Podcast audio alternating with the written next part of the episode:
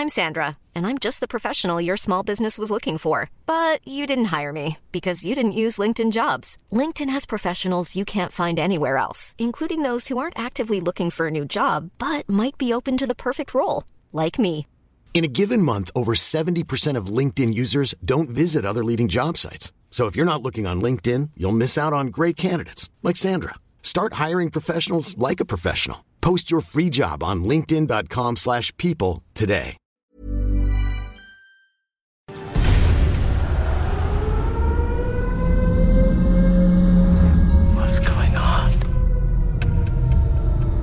Death.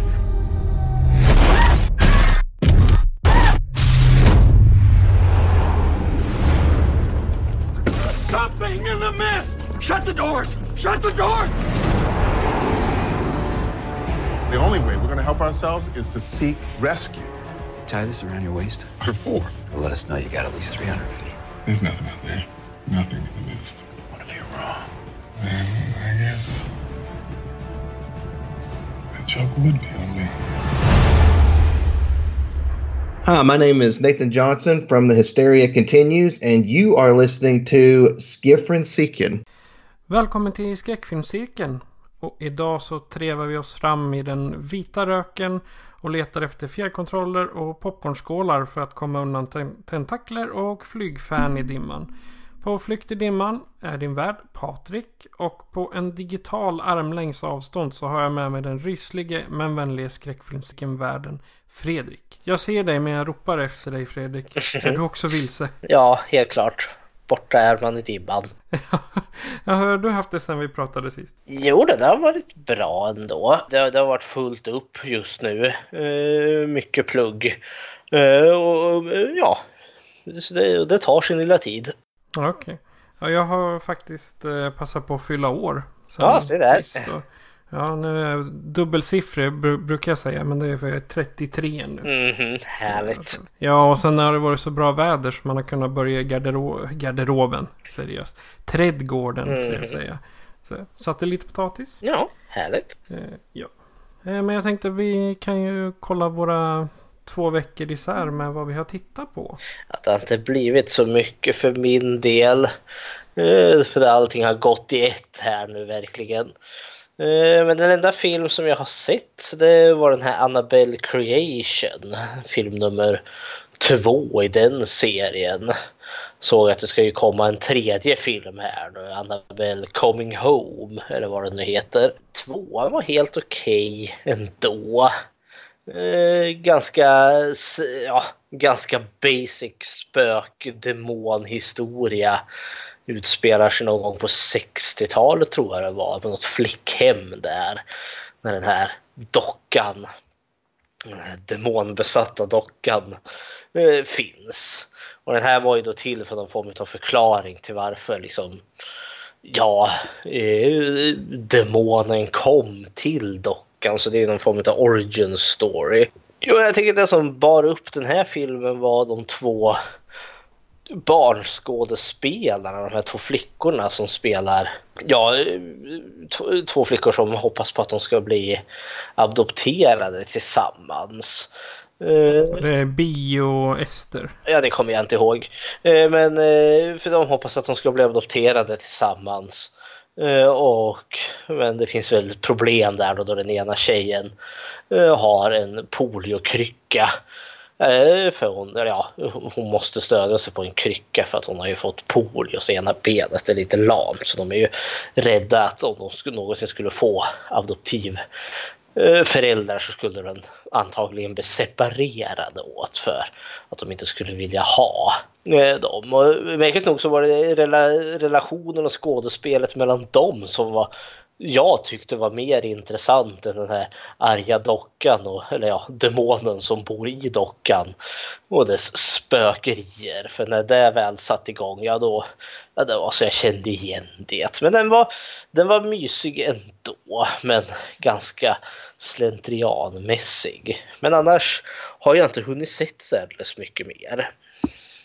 Nej, har man, har man fullt upp så har man. Ja, Eh, Annabelle, eh, det, det var inte den som kom ut i år. Eller den ska väl komma ut i år. nej den som heter Coming Home den har ju inte kommit ut än. Nej, okej, okej. ja, då så. Eh, Jag har eh, tittat lite på Netflix och eh, sett en serie, en ny, som heter Black Summer. Och det är Okej. en ny zombieserie.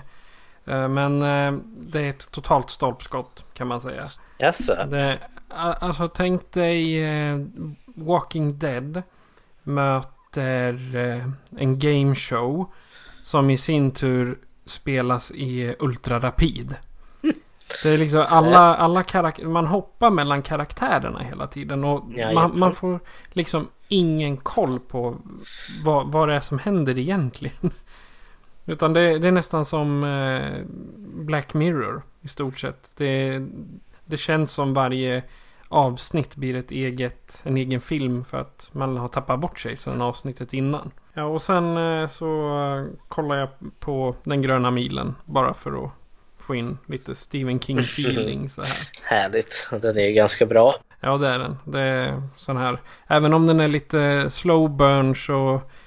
Jag, jag blir aldrig trött av att se den. Som sådana här riktiga slow burners kan jag bli lite. Eh, vad ska man säga? Ha svårt att fokusera på efter ett tag. Mhm. Det, det är vad vi har sett hittills då. Temat är ju Stephen King idag. Mhm. Denna skräckens mästare. Ja, vad, har- vad har du för relation till Stephen King? Alltså länge, länge, länge och fortfarande så är Stephen King min eh, dels favoritförfattare och filmerna han har gjort hör till mina favoritfilmer. Ja, Stephen King är ju för mig väldigt nostalgisk och han är ju väldigt mycket det som startade hela. Alltså jag minns ju när jag gick i högstadiet, då kämpade jag ju lite med så lite lätt läs och skrivsvårigheter. Men fröken som jag hade då i svenskan, hon var ganska klok och tyckte liksom, men gå och leta bland böckerna som finns i biblioteket där och se om du kan hitta någon som verkar intressant. Och då var det ju då just Stephen Kings bok Kujo. Det var framförallt omslaget som fångade mig. Alltså ett gu- eh, ganska gulaktigt omslag och så var det liksom bara Kujos tänder som syntes. Eh, och läste lite på baksidan om den här rabiessmittade hunden. Och det var där liksom började eh, för min del. Och efter det så liksom, jag har, jag har så mycket att tacka eh, Stephen King egentligen. Dels för att eh, skräckfilmsintresset kom men också just för att hans verk i sin tur fick mig att börja läsa en massa böcker och det hjälpte ju en hel del.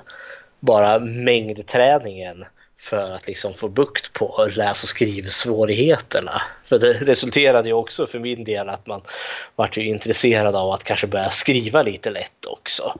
Så Stephen King är verkligen så en milstolpe i mitt unga liv. Så han, han, han är liksom en riktig hörnpelare i mitt eh, film och bok och skräckintresse. Ja, alltså mina första skräckfilmer, absolut första, det var faktiskt en Stephen King. Och jag kommer inte exakt ihåg vilken det är, men jag tror faktiskt jag gick på något så tungt som Pestens tid. Mm. Och sen läste jag, ja, jag tror det var en, eh, en novellsamling som jag inte kommer ihåg vad den heter. Jag tror det är Nightmares and Dreamscapes. Eh, Det har ju blivit en filmserie också. Jag tror det var den jag läste först. Och sen gick jag vidare till de här Djurkyrkogården och Pestens tid och de här. Mhm. Ja, han har fått stått figurerat för en hel del så här liksom studentuppsatser när, man, när jag gick i både högstadiet och gymnasiet. Liksom, hans verk och hans liv. Så Stephen King är en sån där figur som alltid har liksom förföljt en och han tenderar ju att finnas lite i var mans hem också. Det är den erfarenhet jag har när man kommer hem till folk och så tittar man lite i någon bokhylla. Då, brukar det åtminstone stå någon Stephen King-bok och samla damm i något hörn där. Ja, precis. För alla hans böcker är ju inte nödvändigtvis skräck. Utan det kan ju vara bara thriller eller... Jag menar, som, ta som Carrie exempelvis. Den är ju, den är ju skräck. Men i boken så kommer inte det här övernaturliga förrän framåt ja, där filmen slutar i stort sett.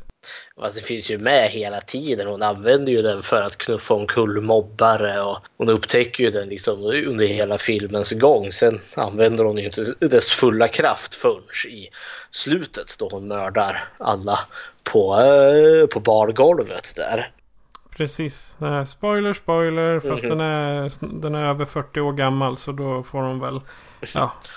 Har ni inte sett den innan dess då får ni skylla er själva. Mm det, det, finns en bra sida på Wikipedia med en lista över alla filmer som Stephen King har gjort och även böcker. Plus både som han och, och Richard Bachman då.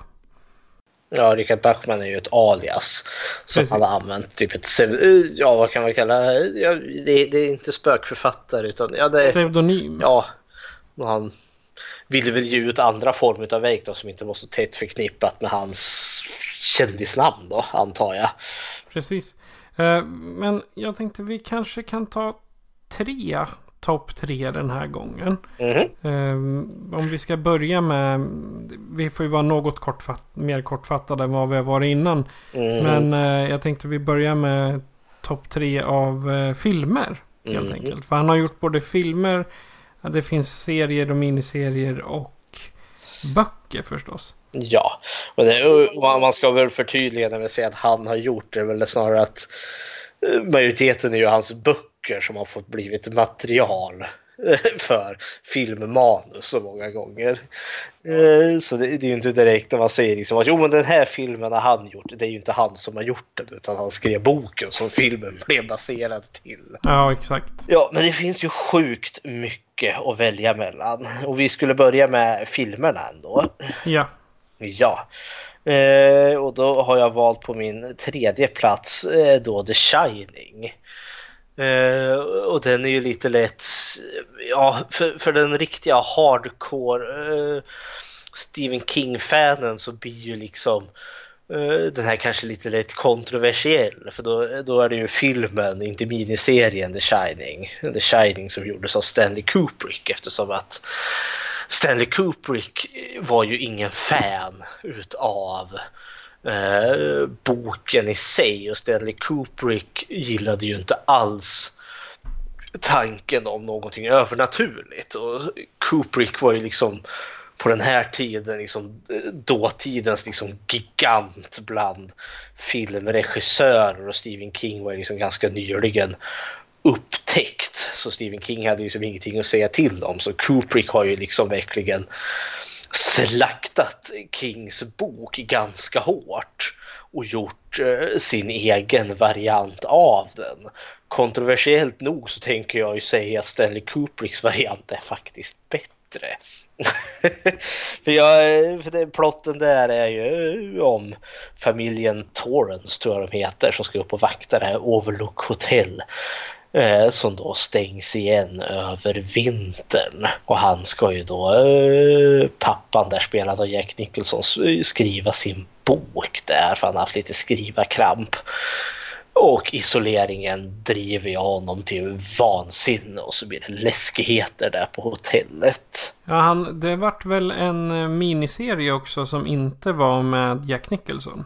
Ja, det gjordes ju en som Stephen King sen. För King propsade ju lite på det där att han skulle få göra sin variation, alltså sån som var betydligt närmre hans eh, bok.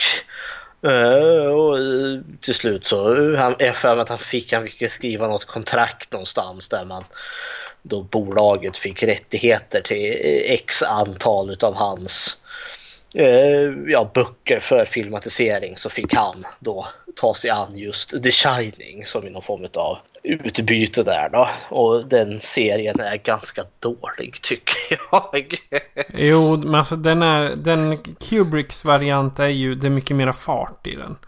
Ja, jag skulle hävda tvärtom. Kubricks variant är ju, det, det är en riktig slow burner. Jag menar, Stephen Kings miniserie, där har du ju liksom Trädgårdslejonen Eh, Eh, får ju liv och studsar omkring i en ganska dålig CGI-animation och spökena springer hejlöst och viskar onda saker i Jack Torrens öra där. Eh, alltså, den, den blir fånig på det sättet att de här övernaturliga tingen och just att för det är ju billigare att dataanimera dem och jag tror den är gjord tidigt 2000-tal så dataanimationerna är inte särdeles bra.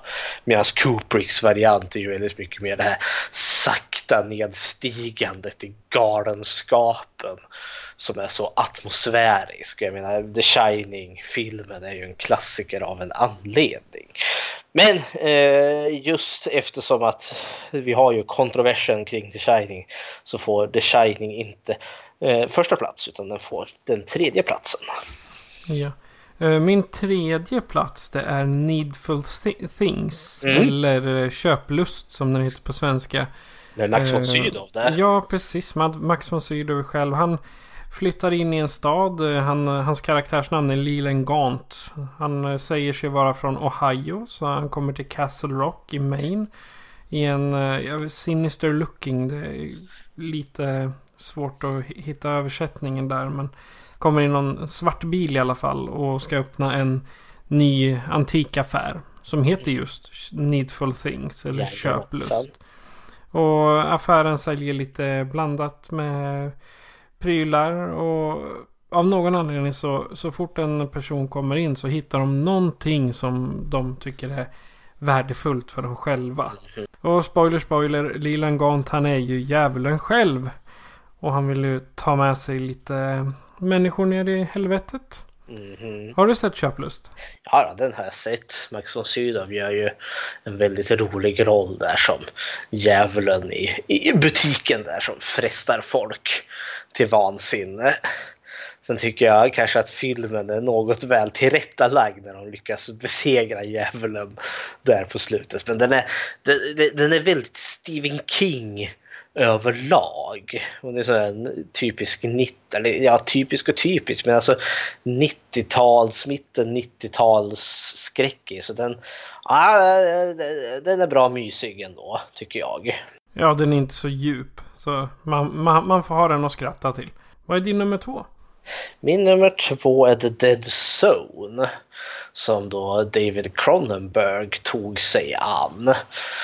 Eh, också en sån här stor eh, filmregissör men inte på samma höjd som Stanley Kubrick var. Nej, men plotten i den är ju att, eh, kommer inte ihåg eh, om han var lärare eller något, men det är en man i alla fall som råkar ut för en hemsk eh, olycka olycka när han är på väg hem. Och så hamnar han i koma och vaknar upp ett x antal år senare och upptäcker att han har någon märklig förmåga att när han rör vid någon så kan han se in i den här personens framtid. Och allt som oftast eh, ger visionerna någon form av hemsk framtid. Alltså när någonting, en hemsk olycka är på väg att hända. Uh, och till en början är han ju jättebekymrad och tycker det här är jättejobbigt. Tills och med att han inser att framtiden är inte slagen i sten. Den går tydligen att ändra på. Han ser en möjlig framtid. Uh, och uh, då låter ju han involvera sig i någon polisutredning för det finns en seriemördare som härjar lös.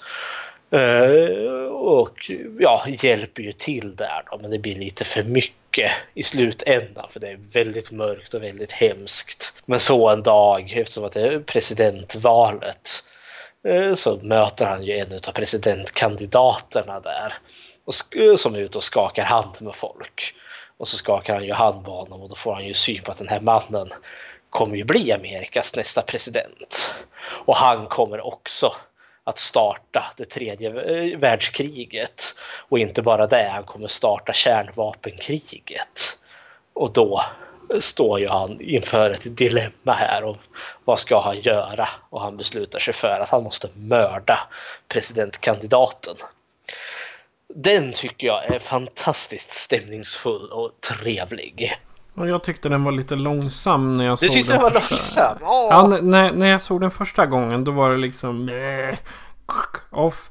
Men eh, sen har jag, jag har gett den några chanser till så att eh, jag, jag kan bara hålla med om helt det du säger. Det är väldigt bra skådis också. Eh, vad heter han nu? Christopher Lambert. Som är Nej. Walken. Christopher Walken. Christopher Walken, ja precis. Ja.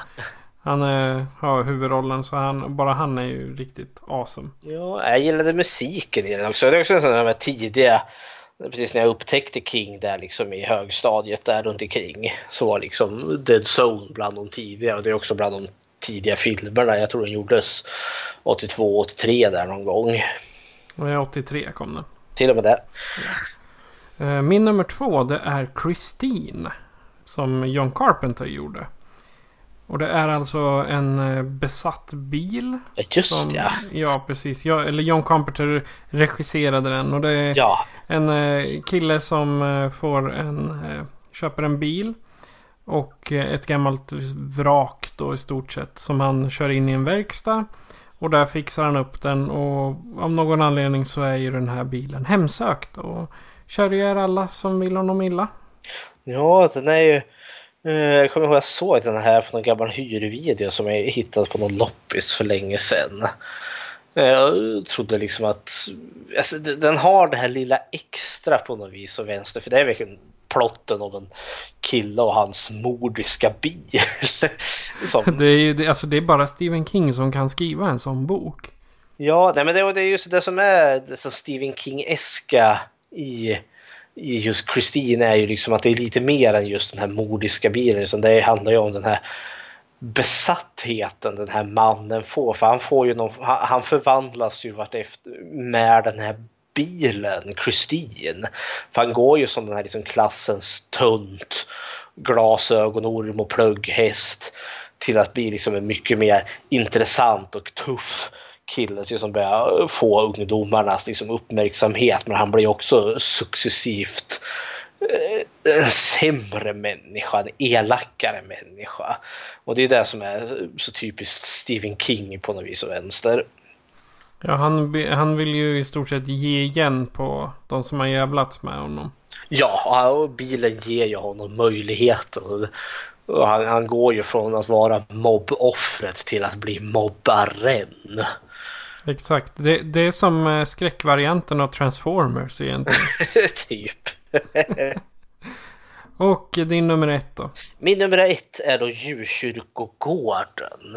Och då såg jag ju filmen, då ska jag väl poängtera att det är den gamla från 89 tror jag den är gjord. eh, Som jag såg för länge, länge sedan. Och återigen liksom i typ samma veva där när jag upptäckte Stephen King i, i högstadiet där. Eh, och d- plotten där, liksom kort sammanfattat, är ju att eh, det finns en plats där du kan begrava saker och ting. Djur, precis som människor som har dött. Och det kommer tillbaka, men det kommer inte riktigt tillbaka som det var förut. Eh, och den plott, eh, den historien var jättecreepy för mig. Eh, men kanske framför allt och som jag tror, som jag sett i många skräckforum som har tagit upp att de flesta vart ju utfreakade och skrämdes bortom vett och sans utav en och samma karaktär och det var ju karaktären Zelda. För det är en subplott där då att frun i den här familjen när hon var ung hade hon en äldre syster som led av skolios. Vilket gjorde henne sängliggande. Och hennes föräldrar mäktade inte med att ta hand om henne så de typ eh, satte ansvaret på deras typ eh, åttaåriga dotter att liksom att typ mata då sin nästan vuxna syster där, Zelda. Och då finns det då just en scen då hon, man får se som en tillbakablick, då hon ska in i Zeldas rum där och hon ligger där alldeles utmärglad och tunn. Hon ska mata henne med, med, med en soppa. Och det är inte som så att Zelda gör någonting liksom hon kommer ut hoppandes, ingen jumpscare, utan hon bara ligger där och är sjuk och, det ser, och hon ser så sjuk ut och det är så obehagligt och man, ja, stämningen är fasansfull. och tydligen är inte jag den enda som har eh, sagt så, för många gånger liksom, jag, liksom, åh, vad tyckte du om djurkyrkogården? Åh, Zelda, fy, så hemskt. Alltså när jag såg den så trodde jag, eller efter jag hade läst boken så såg jag ju filmen. Och jag var ju bombsäker på att det var själva djurkyrkogården man begravde på för att eh, djuren skulle komma tillbaka. Men nej, utan man får ju gå en, en bra bit till för att komma Ja. upp på den här indiankyrkogården. Kyrkogården bakom kyrkogården. Precis, så att det- den är ju lite missvisande också, djurkyrkogården. Men samtidigt förstår jag för det blir en del i, i mystiken så att säga. Det låter snyggare än indiankyrkogården. Ja. Nej, och jag, jag har nämnt min etta förut och det är Children of the Corn. Ja, Jag är väldigt förälskad i den filmen. Och eh, jag har den som Blu-ray från 88 Films bland annat. Det är superb kvalitet. det är ju det. Alltså, Men med, de andra filmerna de är lite som Fredag den 13 uppföljarna liksom. De Jo. bara finns men, och de, men de är inget bra. De är, det är så lagom underhållande liksom. För det är ju verkligen så här. Ja precis som du sa, eh, fredagen 13, de är väldigt slasher-eska. Det dyker upp en ny grupp människor och sen kommer barnen och knivar ihjäl dem ena efter den andra. Det här som är så typiskt Stephen King, det har redan försvunnit i film nummer två. Ja precis, det är det här Stephen King så att allting är åt helvete bara helt enkelt. Ja, Nej, men jag för mig redan i film nummer två så liksom gick det över lite mer till det här fantastiska mordsekvensen. Jag för mig att det är någon gammal tant i den andra filmen. Hon- De ska flytta hennes hus. Man kan, ju, man kan ju bokstavligen flytta ett helt hus och då lyfter man ju upp den liksom på typ bärande, alltså bärande pelare eller domkrafter eller vad det nu heter. Eh, och för att det ska kunna föras över på en lastbil och köra iväg. Och självklart så blir den här tanten nerlurad under huset och så kommer ju alla domkrafterna av och hela tanten blir ju köttfärs under huset. Och jag för mig någon annan där liksom fastnar med kläderna liksom i de roterande bladen utav en Eh, och hjälp, vad heter det nu? Skördetröska. Och sugs in och bara flyger ut som hackad köttfärs ur den där. Ja, den som blåser ut säden sen. Så var, man såg vilken väg det tog ganska så direkt. Jag kommer inte ihåg, det andra eller tredje filmen när den här gigantiska ormen kommer också. Ja, det är tredje filmen. Då de, Det som ska vara He who walks behind the rose eller vad de nu säger. Det här Han monstret. som krälar bakom raderna. Jajamensan. Eh, Där de bokstavligen frammanar det här monstret. Och det, det är också så här väldigt ostigt, lökigt, cheesy eller vad man nu kan kalla det. Eh, det. Det är ruskigt underhållande men det håller liksom inte samma det här mystiken som första har.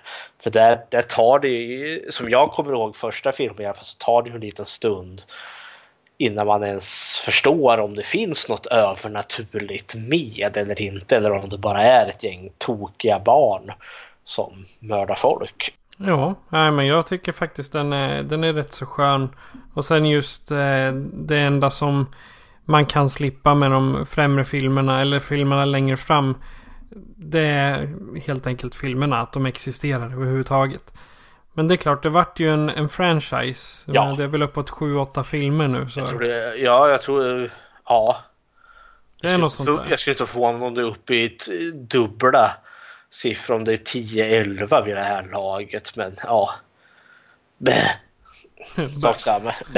Ja, ja men då har vi ju rabbla, rabbla filmerna då. Jajamensan. Så, och han har ju inte bara, han har inte bara lagt grunden till filmer utan har också lagt grunden till tv-serier eller miniserier. Han har ju det. Så det finns ju liksom en hel... Bara där finns det ju en hel uppsjö. Jag menar den här karln. Eh, vi har honom att antingen tacka eller att förbanna för väldigt mycket. eh, och eh, jag tänker säga min nummer tre när det kommer till miniserier baserade på Stephen Kings verk är då The Storm of the Century som kom sent 1900-tal, början 2000 någon gång. Eh, 99 faktiskt. 99 till och med.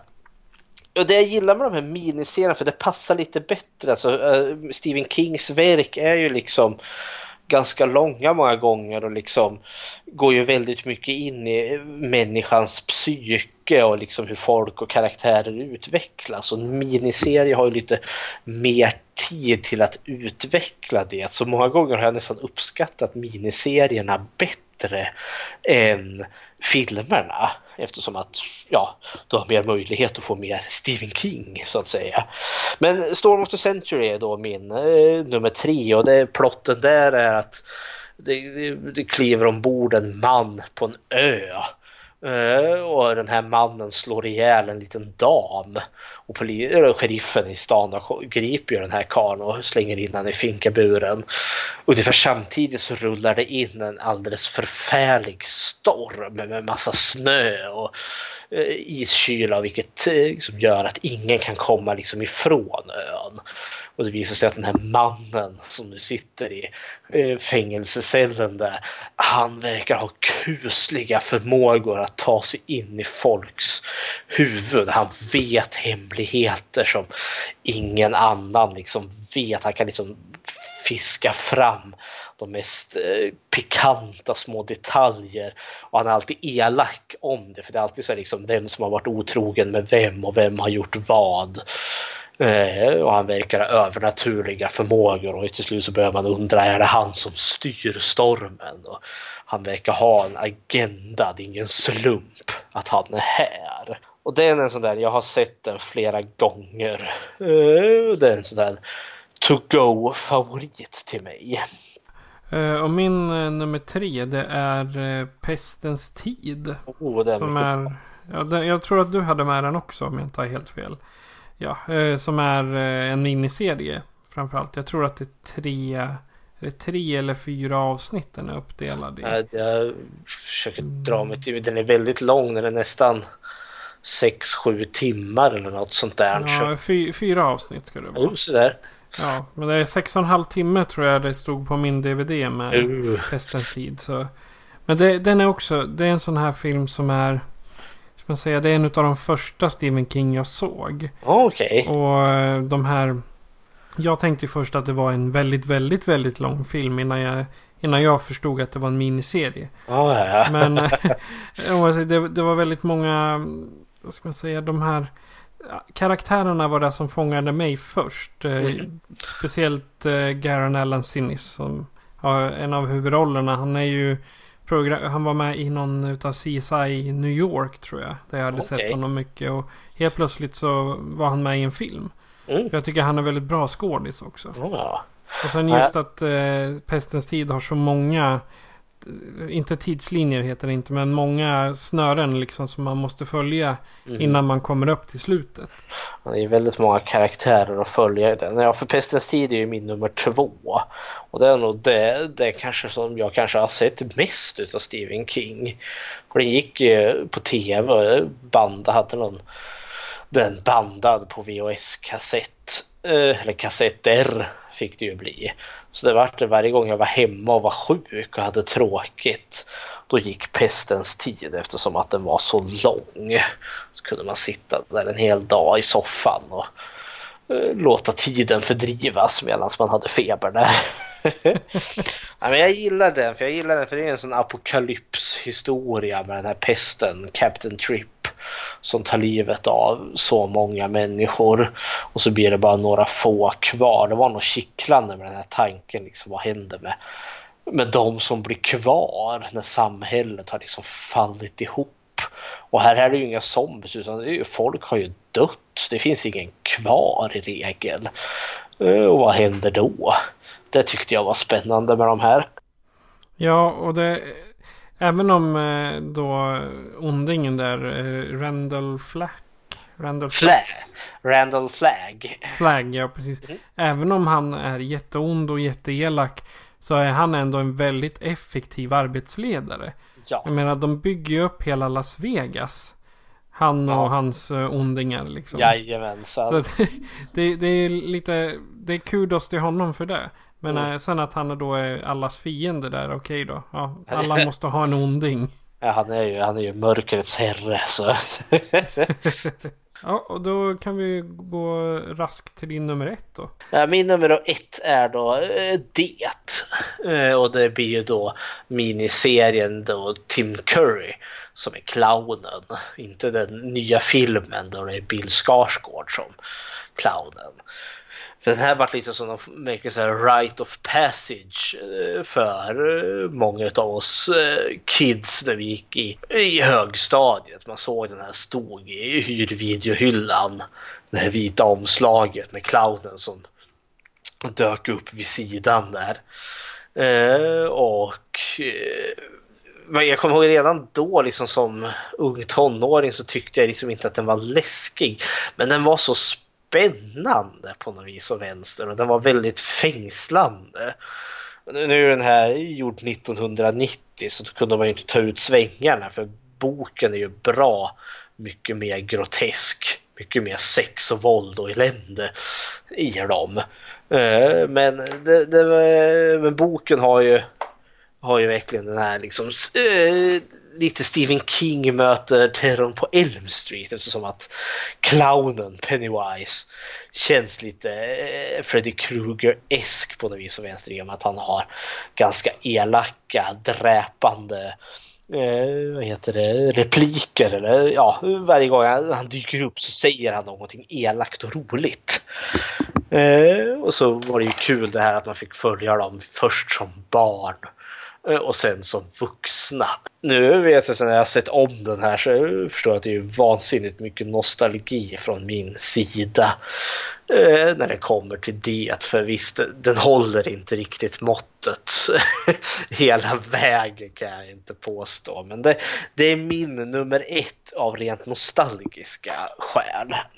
Ja, nu hittar jag pappret eh, oh! där jag hade skrivit mina, mina topplistor. Och It ligger på min första också. Det.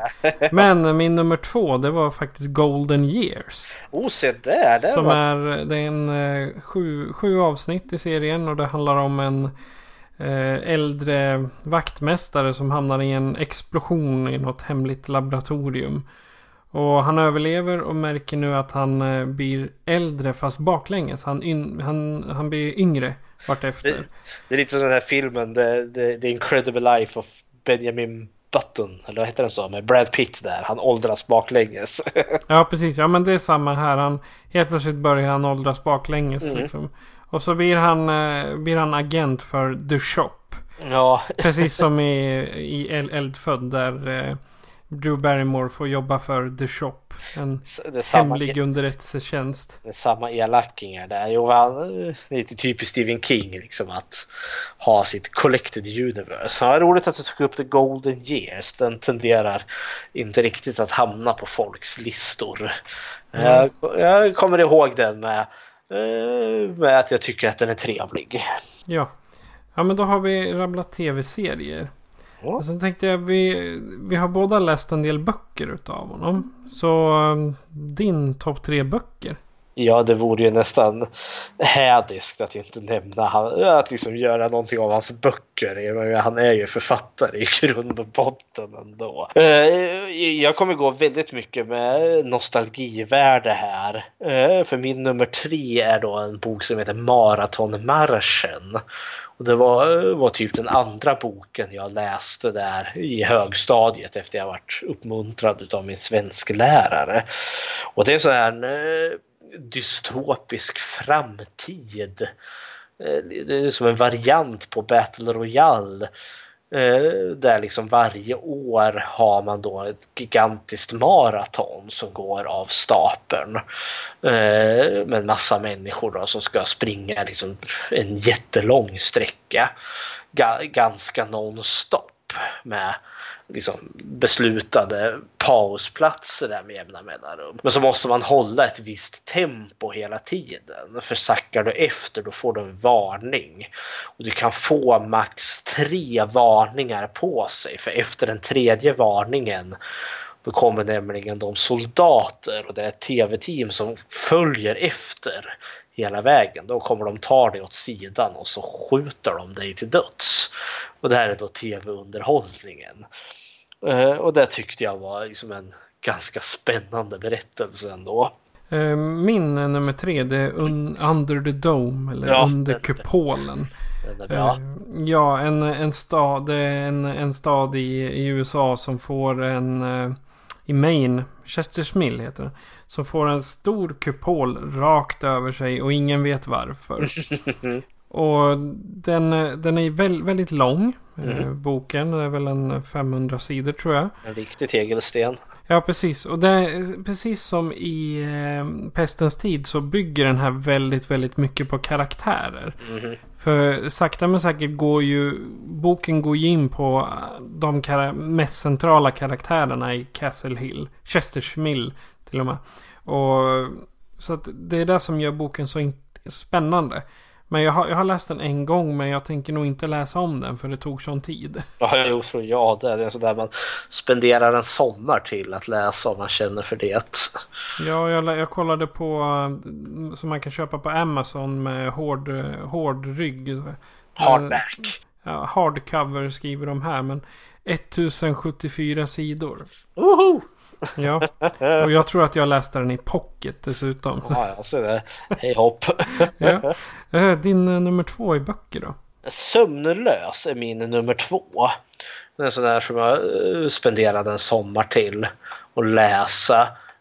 Och det handlar om, ett, om en äldre man, en enkling där då, som plötsligt får svårt att sova. Han liksom sover mindre och mindre och mindre och till slut sover han inte alls. Eh, och så börjar han upptäcka att han ser saker och ting. Han kan se liksom typ det, det verkar som att det sticker som, som, som små strålar upp från människors huvuden. Han tycker det är väldigt märkligt. Och så upptäcker han att det finns en kuslig liten figur som kryper omkring beväpnad med en skalpell. Och den här filuren skär av och den här frun skär av en sån här tråd hos någon. Då dör den personen ganska strax därefter. Eh, och eh, det blir ju problem när den här eh, skumma figuren med skalpellen förstår att den här äldre mannen kan se honom. För det ska han inte kunna göra. Eh, det, den fastnade lite för mig sömnlös. Och det var också den här då första gången då jag började förstå hur Stephen King har liksom, han skriver ihop sina verk eftersom att i den här, i bokens final så dyker det ju upp eh, det, den stora skurken som Stephen King har skapat, den så kallade, han som kallas för den röde kungen. Vilket jag tyckte var, vad är det här för märklig figur, var kommer han ifrån?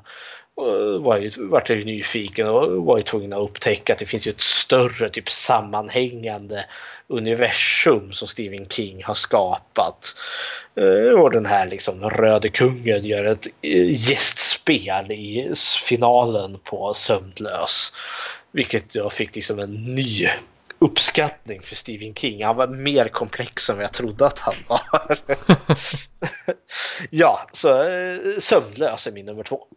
Japp, eh, min nummer två är eh, Talismanen. Mm. Som eh, Stephen King skrev tillsammans med Peter Straub. Ja, på tal om den röde kungen. Precis, precis. Och just Talismanen och dess uppföljare Svarta huset. Mm. Det är två som jag har läst flera gånger. Och det är fantastiskt bra filmer. För Liksom det, det, de behandlar både ensamma barn, de behandlar utanförskap och sen just det här att, det, att man kan ha det i två olika dimensioner. Det... Nu, nu, nu sa du filmer, du menar böcker va? Ja, böckerna menar ja. jag såklart. Ja. Svarta huset finns väl inte? Nej, jag tror inte Talismanen håller väl eventuellt på att göras nu. Har jag fått för mig. Jag har läst någon artikel och Svarta huset eh, inte, nej, den har inte filmatiserats. Nej. Men nu vart jag osäker för jag sa ju på tal om Röde Kungen.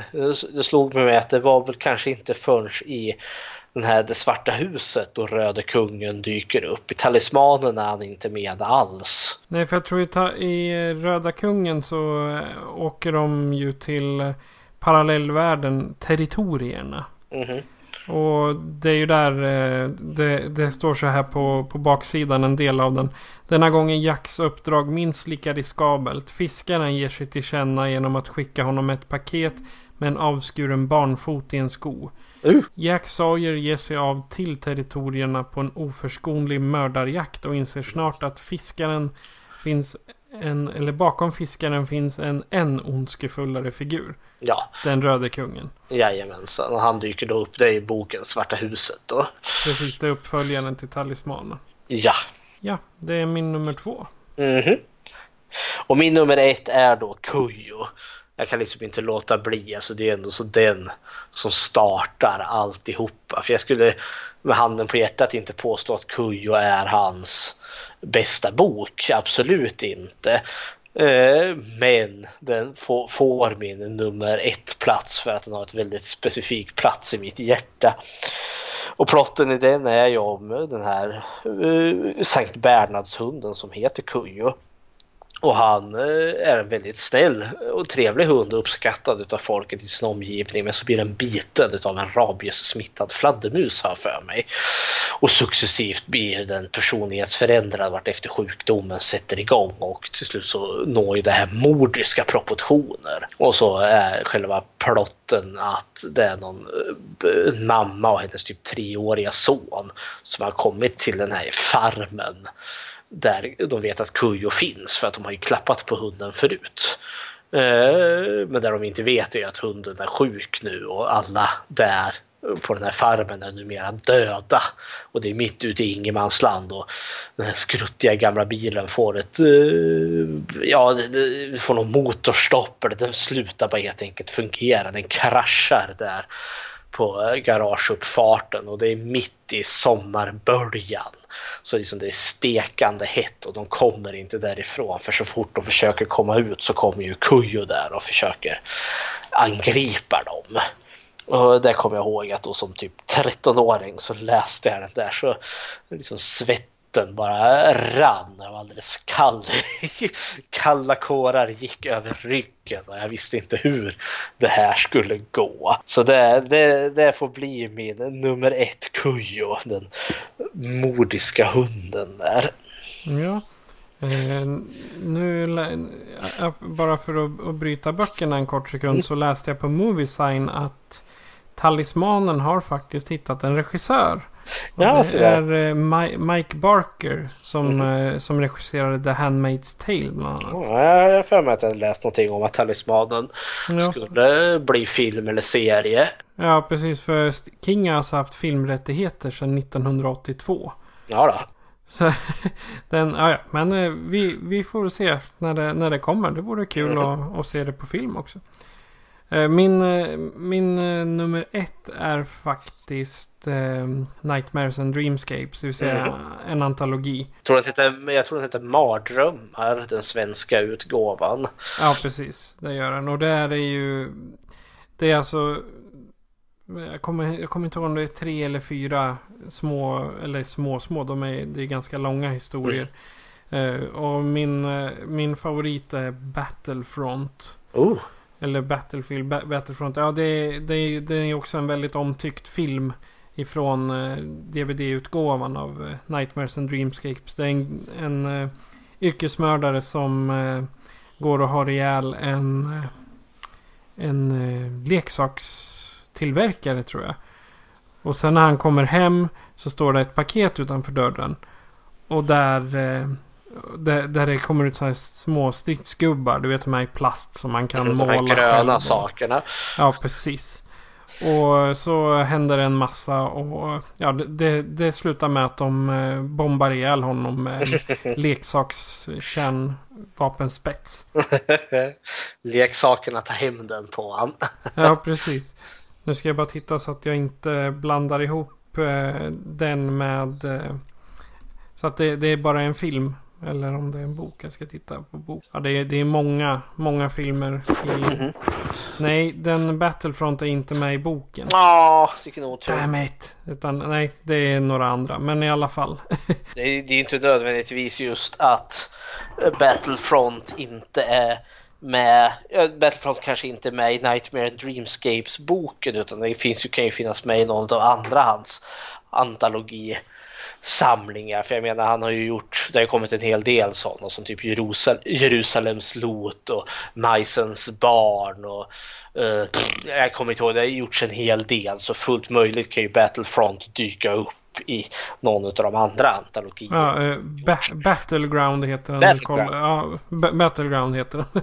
Men den, den finns inte som bok utan den har kommit som, som kortfilm bara. Det kan ju vara ett filmmanus han har skrivit också. Det har du rätt i. Det är sant. Okej, det var våra små topplistor om Ja, Stephen King. Stephen King. Han har ju så mycket så det, det kändes fel att bara välja tre. Det är så vansinniga mängder från den här karln. Precis. Du hade någon som var, som du nämnde innan vi började spela in, Knackarna. Ja, ja, det här gjorde ju också i ordningen.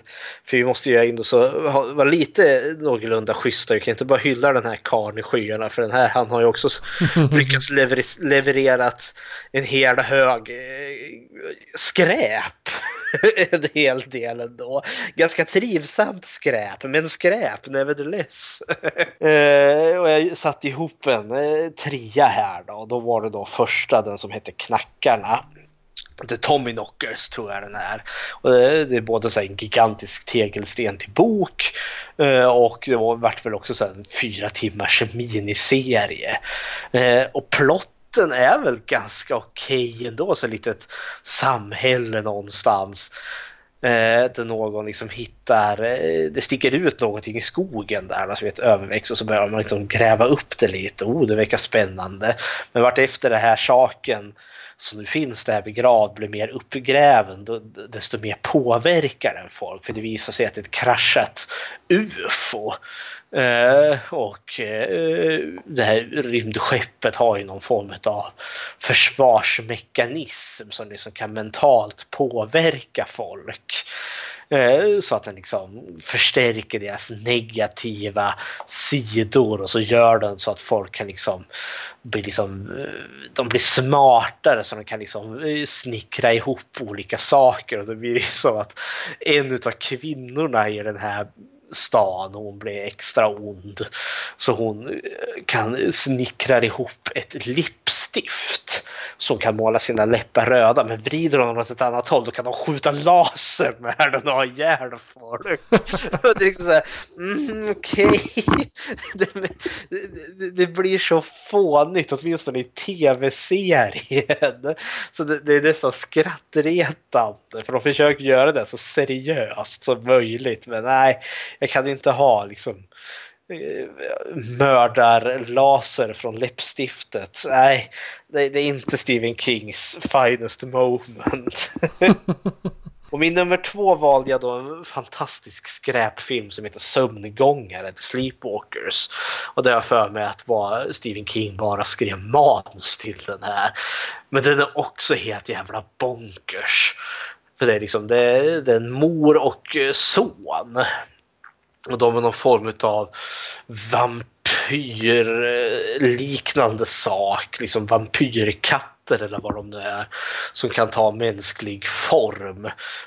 Och de är lite äckliga på det sättet att liksom de har ju liksom en intim sexuell relation med varandra. De har eh, liksom levt i tusentals år här då och far runt där då till olika platser och så eh, äter de upp folk och så måste de flytta vidare där. Och så nu har de flyttat in till ett nytt ställe här då. Han ska ju, I och med att han ser ung ut så ska ju han bli, gå i skola så de kan locka till sig lite offer. Men så blir han ju lite kanske förälskad i någon tjej där och då blir ju mamma avundsjuk. Det går inte för sig för hon ska ju ligga med sin egen son där. Jo. Men eh, den spinner iväg för det är verkligen så här vi får, vi får mord med majskolv. När liksom verkligen lyfter en majskolv som det vore en kniv och så bara hugger ihjäl någon när den. Liksom majskolven sticker ut i bröstet på någon och det, det visar sig att deras svaghet är andra katter. För det kommer liksom tamkatter och attackerar dem och då blir de rivna av en katt. Ja, då finns det risken att de tar eld och brinner upp. Så det, den är bra flummig sömngångare. Var det en kokt eller rå majskolv? Jag tror det är... eh, Den är färdigäten till och med. Alltså det är själva kolven utan majskornen på. Så den borde ju ha varit kokt då, antar jag. Ja, okej då. Eh, och min nummer ett är den helt fantastiskt dåliga filmen Maximum Overdrive. Där en komet svischar förbi jorden och svansen från kometen skapar något elektriskt fält vilket gör att alla elektroniska prylar i hela världen får liv och är eh, outtömligt aggressiva och blodtörstiga efter mänskligt blod. Så eh, vi får följa ett eh, stackars människor som blir fast på en på en vägkrog då, belägrad av ett gäng arga lastbilar som är utanför och liksom eh, tutar och eh, trumpetar på dem och eh, hotar att mörda dem om de kommer ut. så det, det, är också en helt fantastiskt fånig film.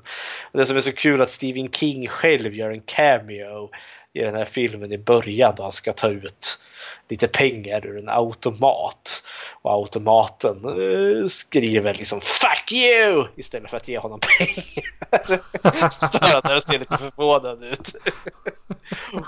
Ja, kära någon. Så ja, eh, Stephen King klarar av att underhålla inte på bara högkvalitativ skräck utan på lågkvalitativ skräck också. ja, okej. Okay. Nu, nu så har vi listat i eh, filmer, böcker, serier och eh, skit. så tänkte jag, han har ju faktiskt levt ett annat liv än eh, film och böcker. Så du har gjort lite research. Jag har ju det. Jag har fiskat fram min gamla föreläsning som jag hade. Uh, och han föddes ju då 1947 i Portland, Maine. Uh, och det är ju inte en slumpa uh, eh, att, eh, vad är det, när det kommer till Maine som är Stephen King-fan vet ju liksom att många av hans verk utspelar ju sig inom Maine-området. Eh, men han eh, växte då upp eh, ganska fattigt vart det för han har hans far när han var två år gammal tog sitt pick och pack och stack. Och han vart då lämnad eh, ja, i, i ensam vårdnad för sig, hos sin mor där då. Eh, som då fick ta hand om Stephen King och eh, hans äldre bror David King. Och hans mor fick slita hund och väldigt många gånger så var det riktigt, riktigt tajt eh, med eh, pengar där det, det, går något rykte här om just i hans eh, ungdom här då, hans barndom. Så som, då skulle, som vissa har hävdat liksom att ja, men det här är upptakten till varför Stephen King kom att fastna sådant för just skräck. Och det är då att någon gång när Stephen King var 5, 6, 7 år eller något sånt där så ska han och hans vän ha varit ute och trallat och framsatt på bakgården någonstans och varit nära något järnvägsspår. Och vännen där då ska ha blivit överkörd av tåget och dödad där då mitt framför Kings ögon. Och det skulle då ha traumatiserat honom sådant. Och då, då legat till grund till varför han då har skrivit så mycket läskiga böcker sen. Men det är ju någonting som Stephen King liksom i sina biografiska böcker som i hans det här on writing om att skriva som han, han nämner inte det här en enda gång och jag vet inte, kanske i någon intervju så har han kanske fått frågan och sagt att nej det här har jag ingen minne av. Men det finns ett litet seglivat rykte om eh, Stephen Kings eventuellt döda barndomskamrat. Hans barndom var som sagt väldigt fattig. Eh, men också full utav böcker. För hans mor hade ju som inte råd med någonting. Hon fick arbeta flera jobb för att liksom få eh, ekonomin till hyra och mat och kläder att gå ihop. Eh, men det som däremot var gratis är ju då ett eh, lånekort på biblioteket. Så det uppmuntrar hon ju då sina söner till för att liksom fördriva tristessen hemma. För det var ju så fattigt och eländigt så att hon kunde ju inte ha eh, alltså någon barnvakt. Hon kunde ju inte ha fritidsgård eller eh, ja, något liknande sånt. Så liksom de, King och hans bror David där, de fick ju liksom rå sig så bäst de kunde. Så de fick ju liksom anamma ansvar väldigt, väldigt snabbt. Eh, och när King väl kom upp i ålder så han liksom kunde arbeta Eh, då fick, liksom, ja, då fick de liksom rycka in där då, i diverse olika jobb för att dryga ut ekonomin. Och Stephen King fick då kanske lite ironiskt men passande nog jobb som typ gravgrävare. Så han arbetar ju då på kyrkogårdar med att gräva gravar inför en eh, stundande begravning. Man han fick ju en utbildning ändå, liksom gick i ja, vår motsvarighet till kommunala skolor, public school heter det väl. Eh, men han eh, de tjänar väl ihop vissa saker. Han kom ju ändå så att liksom få gå på universitet. Men han gick på något som heter Durham Elementary. Eh, innan han då senare kommer då att eh, gå på University of Maine. Så han har ju en eh, en rigorös utbildning. Nu kunde jag dock inte riktigt hitta vad han utbildade sig i. Men jag skulle säkert tro liksom att det hade något att göra med litteratur ändå. Men vad jag däremot kunde hitta var att under eh, hans tid på universitetet så hade han ansvaret, eller han var en av de ansvariga för liksom skolans liksom egen tidning, typ journalistutbildningen. Där får man liksom skolan, får de ju öva sig liksom i att ha sin egen, liksom publicera sin elevtidning. Och där har ju då Stephen King skrivit lite saker och publicerat lite. Eh, och då finns det ju då eh, något så tidiga saker som finns, något som heter Daves rag, alltså Daves tras handduk eller vad man kan kalla det. Trasa skulle jag säga, drag. ja, Daves trasa. Och han har ju också, eh, som han då har skrivit för hand och ritat lite liksom för att få en bild där. Då. Och han har även också gjort comic reviews.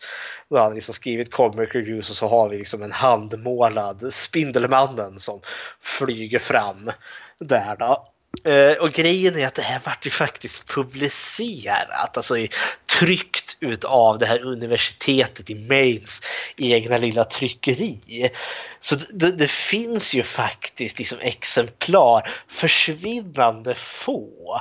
Men för en liksom ivrig Stephen King-samlare så är ju det här en guldgruva. Liksom, du skulle få ganska mycket pengar och du kan hitta hitta något av hans liksom, Daves Rag eller hans Spindelmannen, eh, eh, vad heter det, recension där.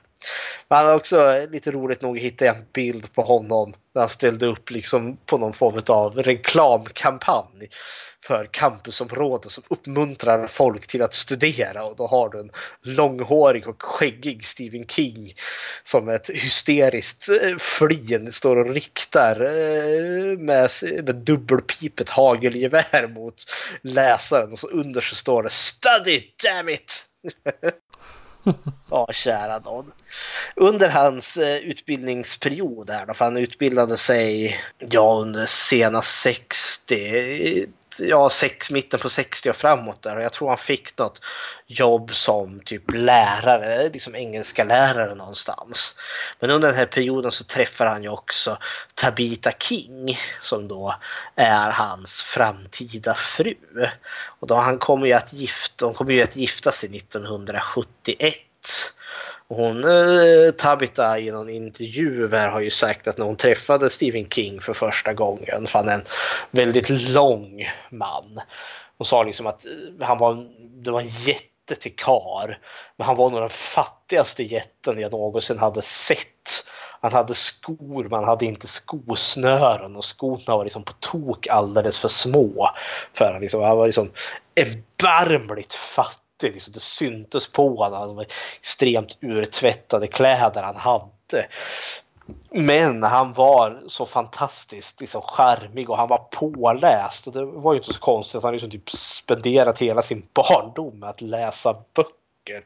Så han var ju jäkligt kunnig. Men de tar ju sig en rejäl jäkla risk där 1971 när de gifter sig. För det är inte ekonomiskt tajt alls. Och King han drömmer ju om ett författarliv. Och kanske lite mot bättre vetande så eh, bildar de också familj. Alltså de skaffar barn.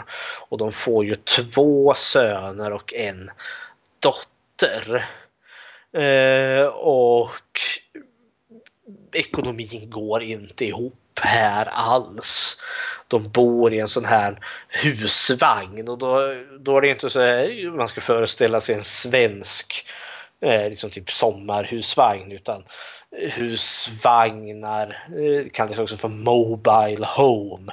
Alltså det kan ju vara betydligt större i Amerika än vad de är här. Utan det är liksom eh, vad, kan man jämföra det med? Typ som den här arbetarbarack som man kanske har sett här liksom, när man håller på och bygger något i de här liksom, nästan containerliknande eh, byggnaderna. Något sånt påminner det om. Eh, och un, så, så, där bodde de i då liksom. Stephen King och uh, hans fru Tabita och deras tre barn. Och fick ekonomin knappt att gå ihop om inte ens det. Och Stephen King han skrev och skrev och skrev och skrev. Och han fick väl liksom verk publicerade. Men alltså det var ju så små typ noveller som hamnade i tidningar. Och liksom det var liksom inget, det var inget bolag som liksom köpte upp hans böcker liksom och leverera utan det vart liksom ja den här månaden sålde jag liksom en novell till en tidning och de gav mig 500 dollar liksom en gång där. Och det, det är ju otroligt tajt och det här tär på Kings nerver så han börjar ju dricka ganska kraftigt under den här tiden. Och han blir ju faktiskt alkoholiserad. Eh, men sen kommer vi ju då till genombrottet och det kommer ju då 73 där.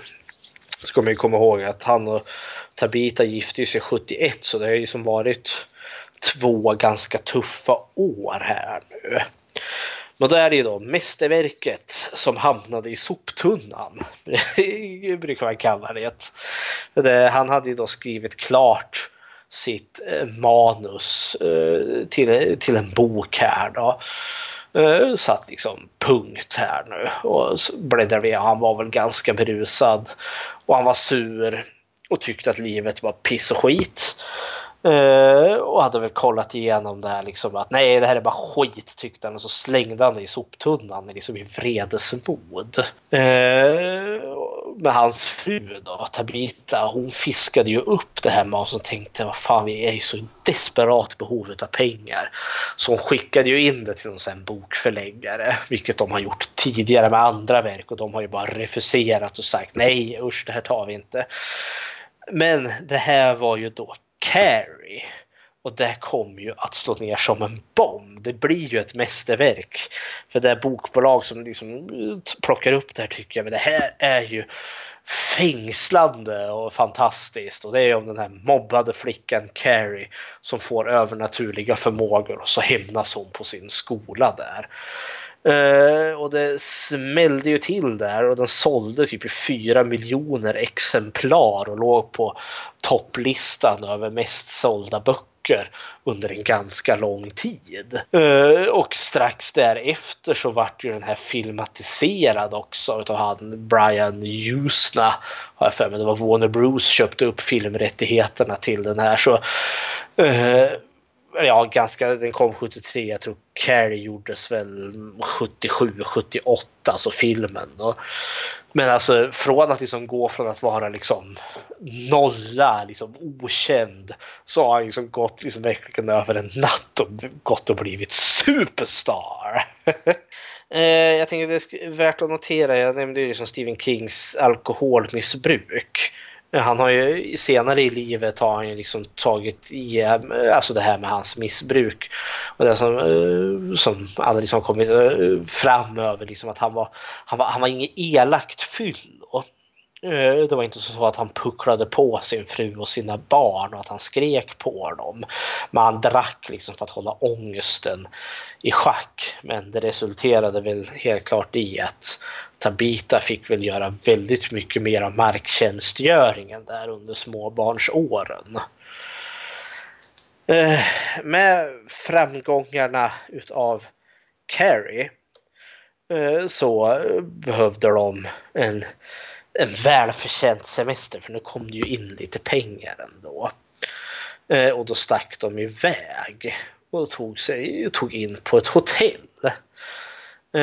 och på detta hotell eh, hamnade de som då råkar heta The Overlook Hotel. Och det kanske man känner igen lite, eller vad säger du Patrik? The Shining. Precis.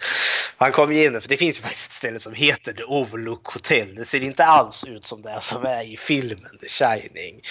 Eh, men där satt han. Eh, och hela familjen var ju där och han förstod ju också att ja, tydligen när det är vinter här då stänger man ner hotellet liksom för det, det, det är lågsäsong. Det är liksom inte ekonomiskt gångbart att ha hotellet öppet.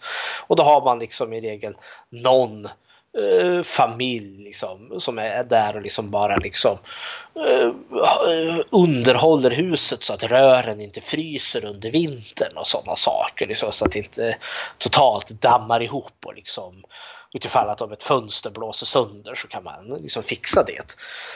Samtidigt med eh, för då tänkte jag, ja men det är liksom en bra setting. Eh, och han har också berättat att var det något av hans barn kom fram till honom med en söt liten teckning som han, som hade målat av. liksom med mamma och pappa och alla syskonen och alla satt där och såg jätteglada ut.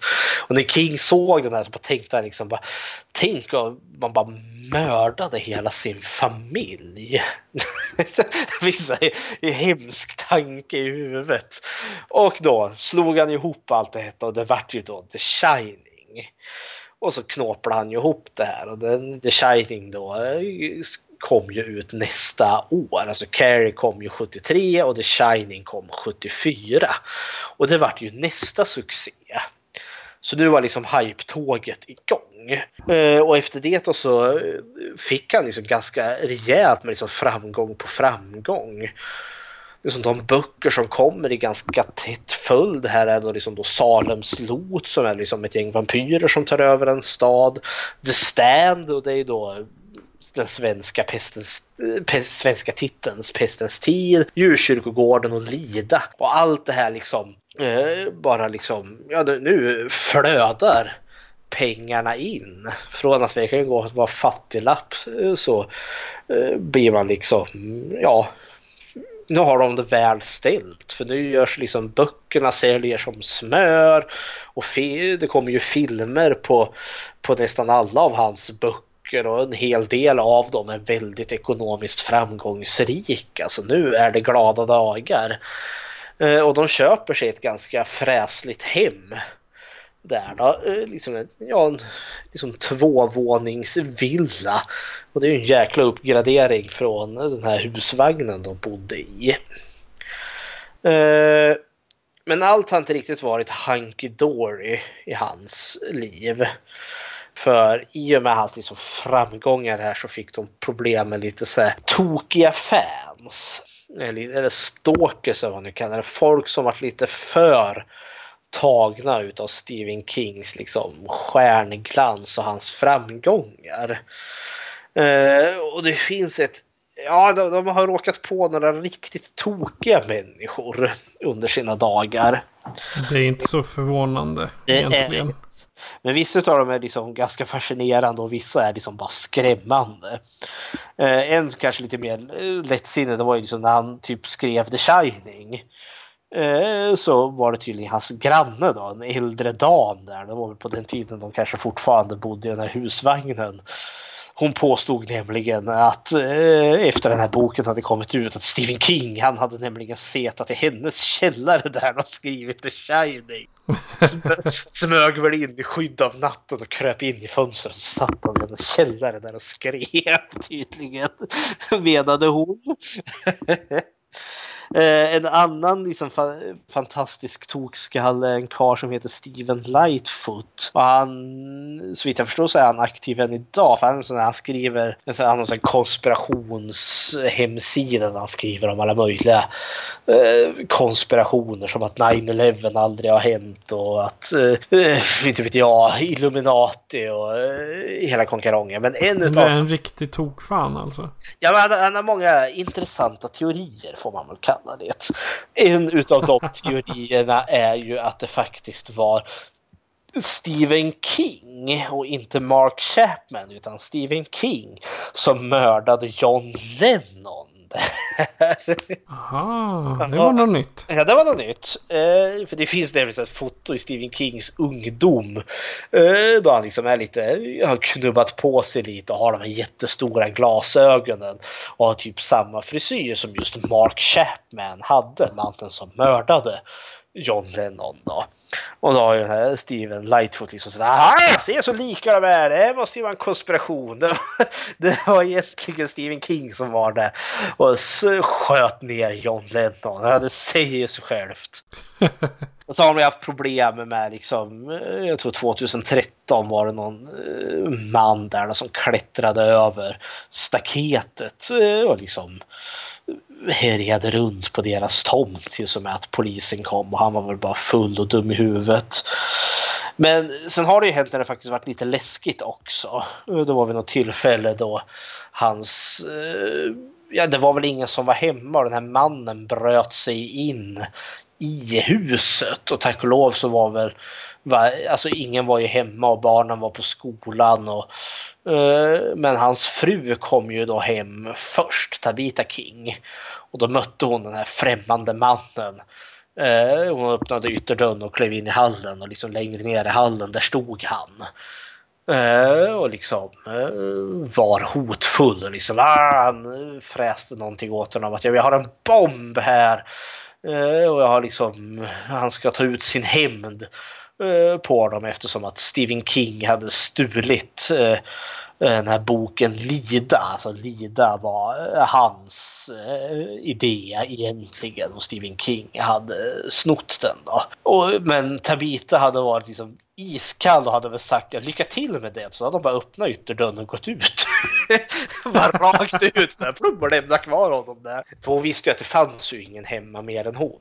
Och så ringde och sprang hon väl över till grannen där då. Och då, nu är det inte tokiga tanten som trodde att King skrev boken i hennes källare. För nu, nu är det när de bor i det här fina tvåvåningshuset. Var en normal granne alltså? En normal granne.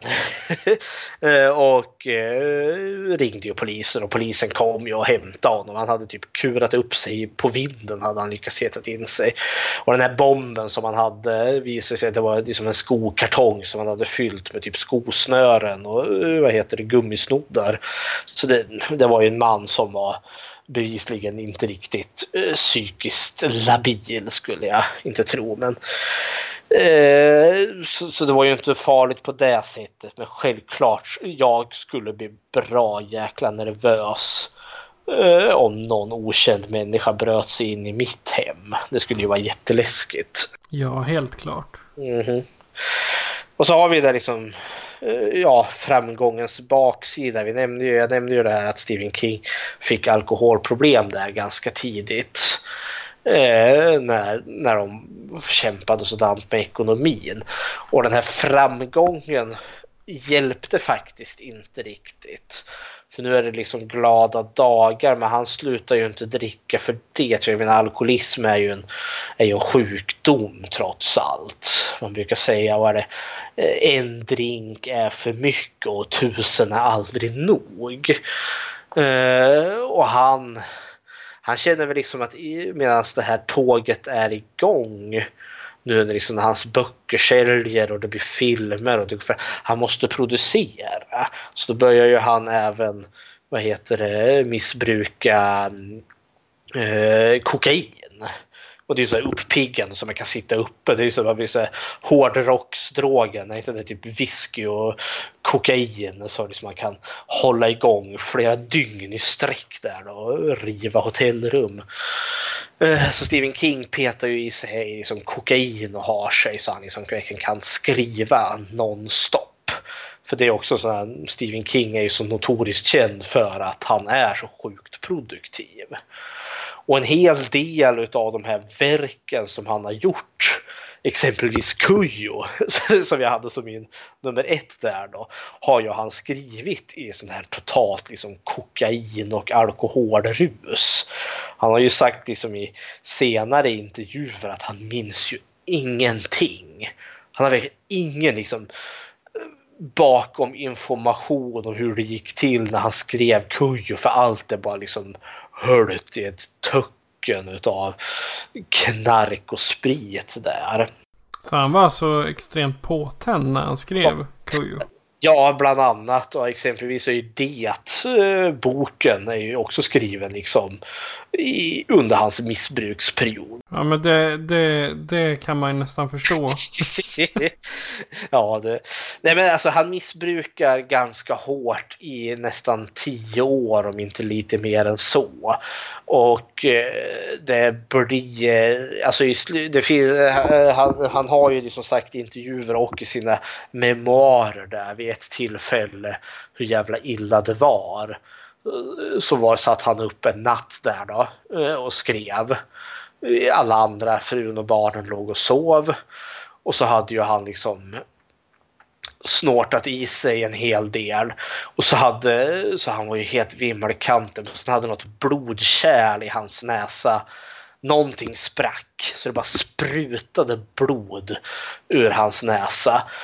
Uh, och han liksom när han liksom skulle försöka ta sig därifrån liksom faller ihop och ligger på, eh, landar på mattan och där ligger han eh, oförmögen att ta sig upp liksom blödandes. Alltså det tar ju, han förblöder ju inte eller något sånt utan han, han ligger där liksom i en liten blodpöl. Och ligger där och stirrar ut genom fönstret på månen och stjärnorna och liksom reflekterar för sig själv att ja men nu, nu dör jag. Det här, jag, jag kommer, de kommer hitta, min fru och mina barn kommer hitta mig död i, i, i, nu på morgonen.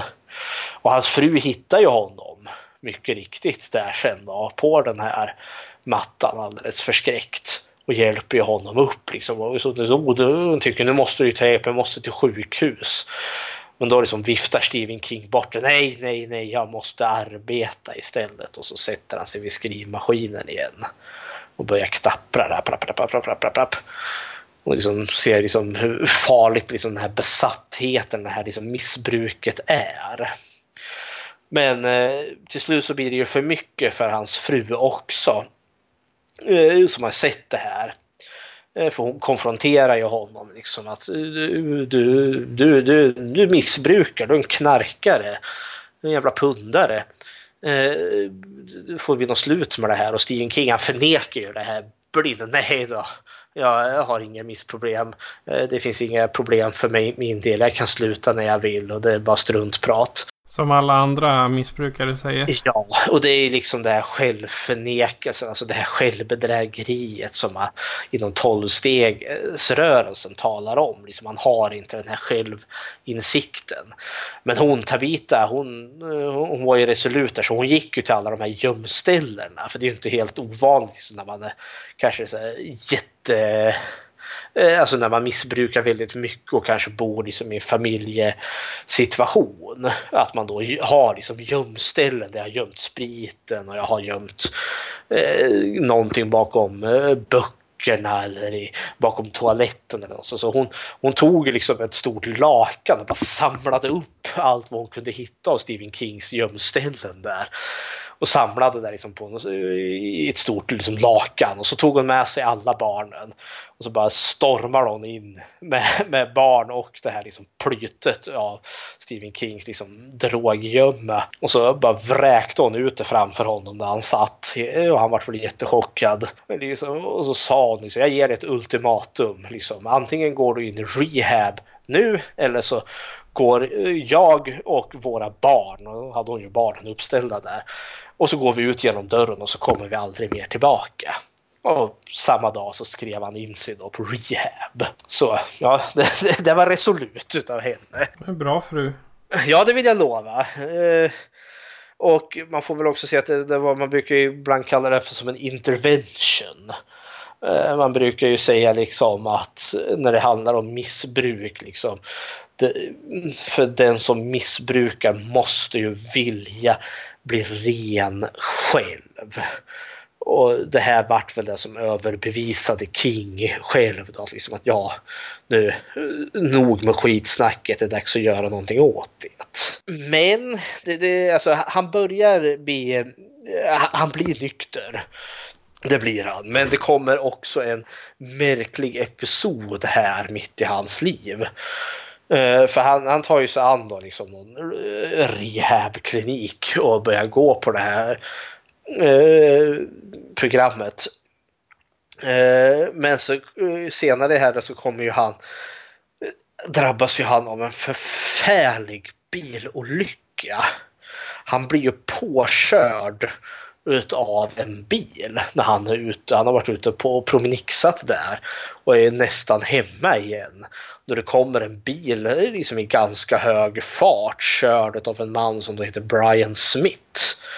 Eh, och han eh, är lite distraherad av sin hund just då. Liksom, så han har inte koll på så han, han kör ju rakt på Stephen King. Bara splatt! Säger i ganska hög fart. Och King hamnar ju i ett dike där liksom bruten sönder och samman. Eh, mer död än levande. Och det resulterar i att Stephen King hamnar ju eh, eh på sjukhuset och blir ju där under en väldigt, väldigt lång period. Uh, och det är det som är för Stephen King ligger kanske på sjukhuset i kanske ett halvår eller något sånt där. Och det finns bilder på honom där liksom, han liksom, ja, han har liksom eh, ställningar som han liksom byggt in liksom för att ställa hans liksom ben rätt igen och sådana saker. Jag menar under den här perioden så kan ju inte han missbruka så han blir ju liksom per automatik nykter utifrån detta. Eh, men den här bilolyckan är väldigt avgörande för honom för han eh, han kommer, han kommer att skriva en bok faktiskt om det som heter From a Buick 8. Eh, och eh, han kommer också att donera nej, typ en kvarts miljon till det här sjukhuset och de eh, rehabkliniker som har hjälpt honom tillbaka till, ja, till, sin, eh, till sin hälsa igen. Där då. Och han kommer också att starta eh, den här gruppen The Haven Foundation som då är då en, eh, någon form av stödgrupp för just författare som har liksom fått problem i livet så att säga. Så han fick alltså en riktig upp, ett riktigt uppvaknande där? Det kan man kalla. Eh, han har också använt det för det, det är ju, vad är det, i hans eh, vad heter det, bokserie Mörka tornet. I sista boken så dyker det upp en karaktär som heter Brian Smith som är ganska korkad och ganska oförsiktig av sig, ganska tanklös. Eh, och i eh, den här tv-serien Kingdom Hospital eh, så blir huvudpersonen där i ett avsnitt påkörd av en man eh, som kommer körande i sin bil som då är distraherad av sin hund.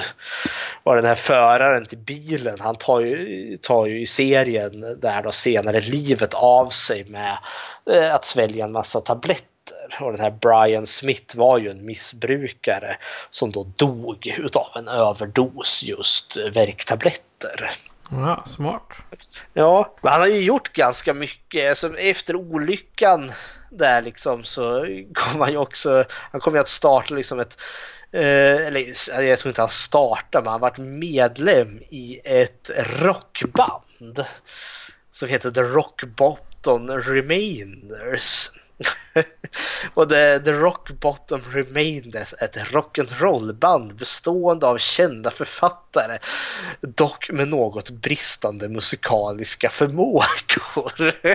det, är, det är nästan lite som när Wes Craven startade rockband. Ja, jag, jag, kanske är med i det, vad vet jag. Liksom, det är väl en del liksom i, för, för liksom Stephen King har varit med, de har väl turnerat runt lite så där, kanske för välgörande ändamål och sådana saker. Eh, och just deras namn då, The Rock Bottom Remainder. Det är då liksom ett uttryck för en bok som inte har gått så bra, alltså en bok som inte säljer bra. Den, liksom, den befinner sig på rock bottom. And there it remains. Rock bottom remainders. så eh, Eh, alltså det, efter att han varit nykter och den här bilolyckan så har ju liksom livet har ju gått väldigt bra framåt. Eh, vad ska man kalla liksom hans, hans arv på något vis och vänster. Alltså, han har ju verkligen gått från fattigdom, han har besegrat sitt alkoholmissbruk, han har haft närkontakt med döden med den här bilolyckan då. Eh, men har ändå liksom kommit ifrån allt detta, liksom kämpat sig vidare och det, det är en grej som jag är väldigt imponerad liksom, som gör att Stephen King växer ännu mer i mina ögon och jag är redan fanboy av han. Eh, men liksom eh, familjen är ihop liksom. Familjen överlevde allt det här och är liksom vuxna nu allihopa och han är fortfarande gift med Tabita. Och hans söner, den ena kallar ju sig, den äldsta sonen det liksom går ju nu under namnet Joe Hill och är ju egen författare. Och Joe Hill är kusligt lik till utseendet sin egen far. Jo, det kan jag hålla med om. Mm. Och han skrev ju den här boken Horn och en hjärtformad ask tror jag heter. Alltså, det är väldigt skräckeska böcker. Uh, han bytte väl namn till Joe Hill för att han inte ville leva på just sin fars uh, liksom kändisskap utan liksom kunna bygga ett eget. Och jag läste den här Horn så senare varit en film också men boken var jättespännande och bra. Det var så han, bra att, man, ja. att, att, man, att han lyckas med, alltså med, med sig själv. Mm. Ja, men jag tror eh, att eh, hela, liksom, både Stephen King och Tabitha King har väl uppmuntrat det här läsandet väldigt mycket. Och jag för mig liksom, de intervjuer jag har sett så var de ju alltid liksom, när, man, när man åt tillsammans då diskuterade de liksom, böcker, litteratur, politik, ja så vidare så vidare. Och hans yngre son då, Owen King har väl också eh, haft ett författarskap Eh, kanske inte riktigt lika känt men precis i, bara i dagarna här för några veckor sedan så kom det ju en ny bok som heter Sleeping Beauties. Och det är ju då en samarbetsproduktion mellan Stephen King och Owen King. Så ja, jag har inte läst den än, men det är spännande. Och så har du hans dotter då, Naomi King. Eh, och, och hon är ju hon har utbildat sig till pastor. Men hon, är ju med, hon har ju något medfött fel vilket gör att hon liksom spenderar ju majoriteten av sitt liv i en permobil. Och, men hon arbetar väl för någon sån gayrättsrörelse och har gift sig med, med, med en kvinna som hon har träffat där. Eh, och eh, sen har ju, men i och med på grund av sitt handikapp så har ju Naomi inte kunnat arbeta som pastor heltid. Men eh, med hennes mamma då, Tabita, så har de ju startat något som heter Petri eller Pie Tree Orchard, alltså pajträdslunden. Även något sånt där. Det är en fantastisk liten eh, liksom, närodlad restaurang där man liksom ja, där de har liksom, liksom typ skördefest, klassa äpplen, morötter, liksom, ja, så lagar man paj där så kan man komma dit och äta liksom närodlat och ekologiskt och hon arbetar där. Och det som fick mig att reagera är nämligen adressen till Pie Tree Orchard är liksom eh, 803 Waterford, eh, Waterford Road, Sweden, Maine.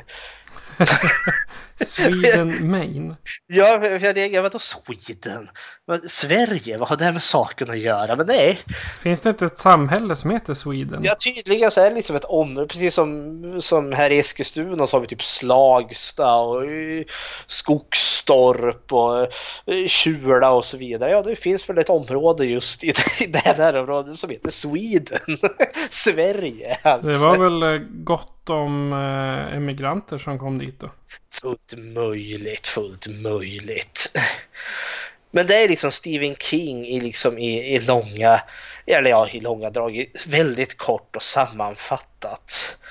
Uh, jag tänkte jag ska gå lite snabbt till typiska drag i hans böcker, i hans författare, liksom, innan han har en så rik liksom, Eh, karriär som man har liksom, så kan man ju se vissa eh, ja, drag som går igen.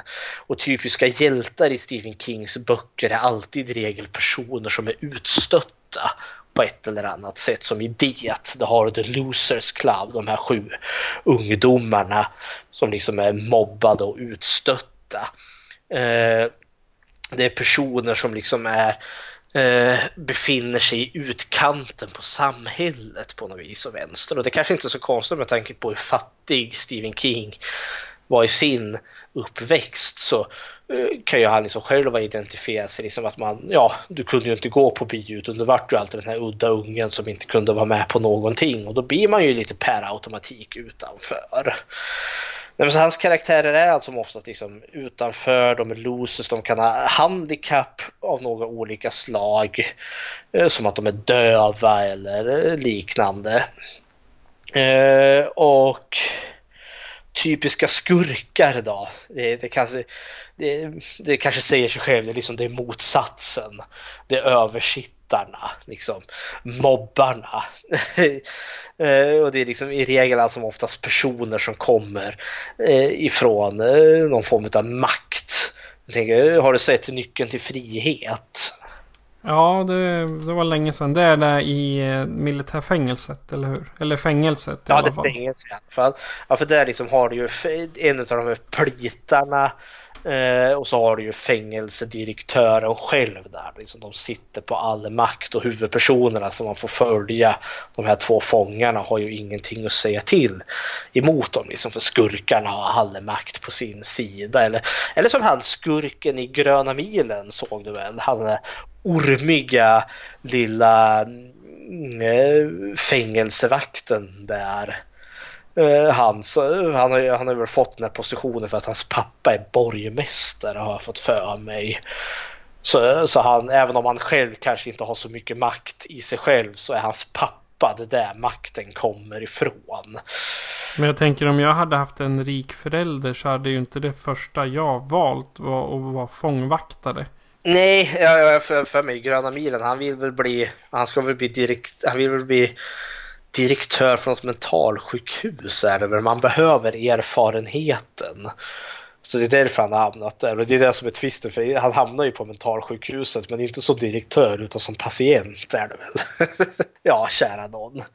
Eh, andra så typiska skurkdrag är ju också fanatiker för Stephen King arbetar ju gärna med religion som typ Children of the Corn. Där har du liksom de här galna religiösa barnen. Och religion är allt som oftast något som eh, dyker upp i hans eh, verk. Och då är det alltså oftast fanatisk religion. Alltså människor som är bokstavstroende och som liksom mördar folk för att eh, de har Gud på sin sida. Ungefär. Typ extremister. Ja, extremister. Och då är det liksom kristna extremister.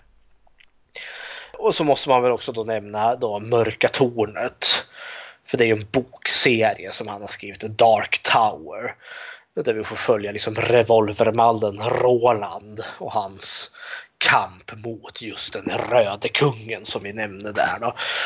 Som är den här demiguden, den här onda demiguden som styr, ja styr och styr men påverkar det här landet.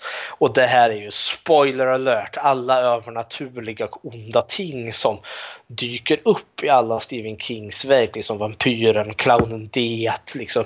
Allt kommer ifrån den här mörka tornet-världen. För de kan nämligen öppna portaler och kliva in i andra världar.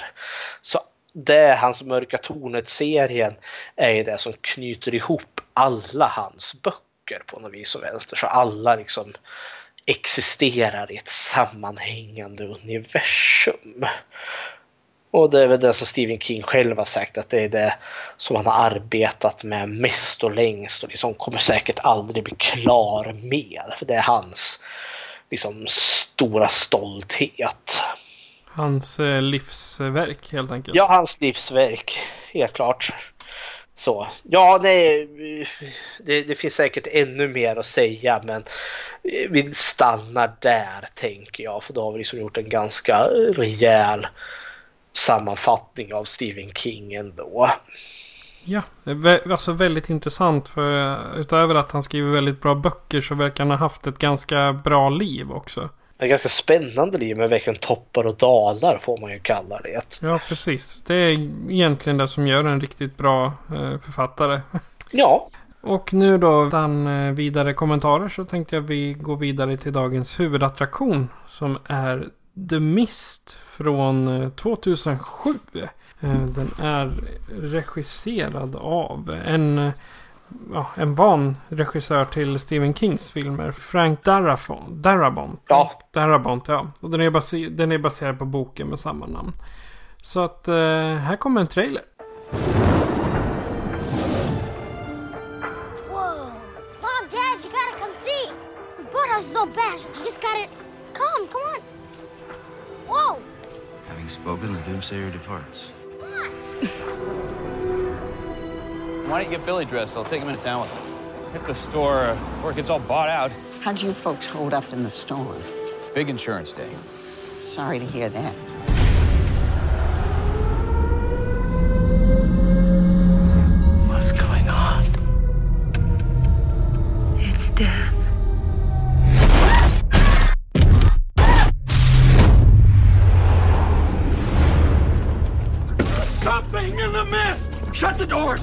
The doors! The only way we're going to help ourselves is to seek rescue. Tie this around your waist. Before. Well, let us know you got at least 300 feet. There's nothing out there. Nothing in the mist. What if you're wrong? Then I guess the joke would be on me. David Drayton och hans unge son Billy ingår i en stor grupp livrädda människor som blir fängslade i ett snabbköp efter att en märklig och utomjordisk tät dimma dragit in över den lilla staden. David är den första som inser att dimman döljer något skräckinjagande och omänskligt. Deras överlevnad är helt beroende på viljan att samarbeta. Men är det möjligt? Allt eftersom får förnuftet stiga åt sidan till förmån för fruktan och David börjar undra vad som skrämmer honom mest. Varelserna eller människorna? Det är alltså plotten till The Mist. Eh, och jag läste det från eh, The Collector's Edition.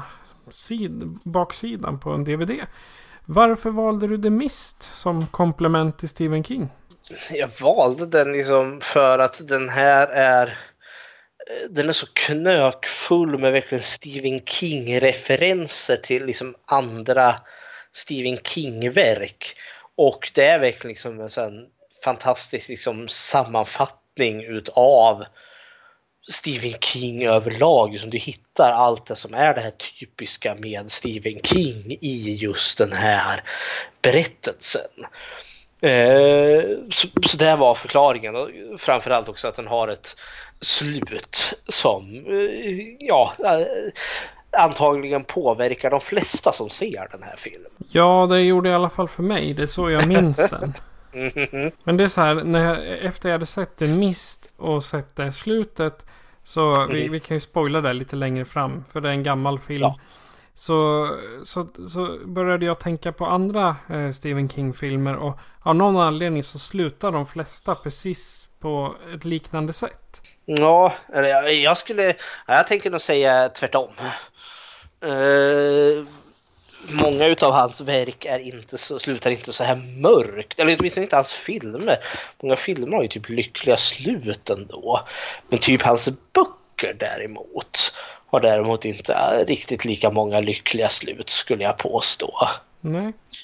Eller ja, ly lyckliga är väl kanske att ta i, men de flesta brukar leva.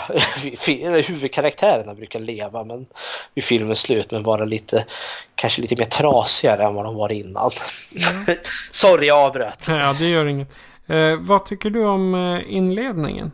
Alltså, det är ju bara här direkt så får vi ju liksom en eh, cameo in för den här mannen som vi får följa där då. Han och hans son som kommer hamna i i eh, den här eh, matvarubutiken sen. Han sitter ju och målar på en tavla och han är även någon sån här illustratör. Eh, och det han sitter och målar är ju då revolvermannen Roland. Och så har du det mörka tornet som sticker ut där i bakgrunden. Det var ju det som fick mig att haja till när jag såg den här första gången. Men hallå, det där är ju mörka tornet referensen. Ja, och bredvid så är eh, målningen från The Thing. Gubben, är, ja, gubben ifrån The Thing, den är bredvid. Aha, awesome.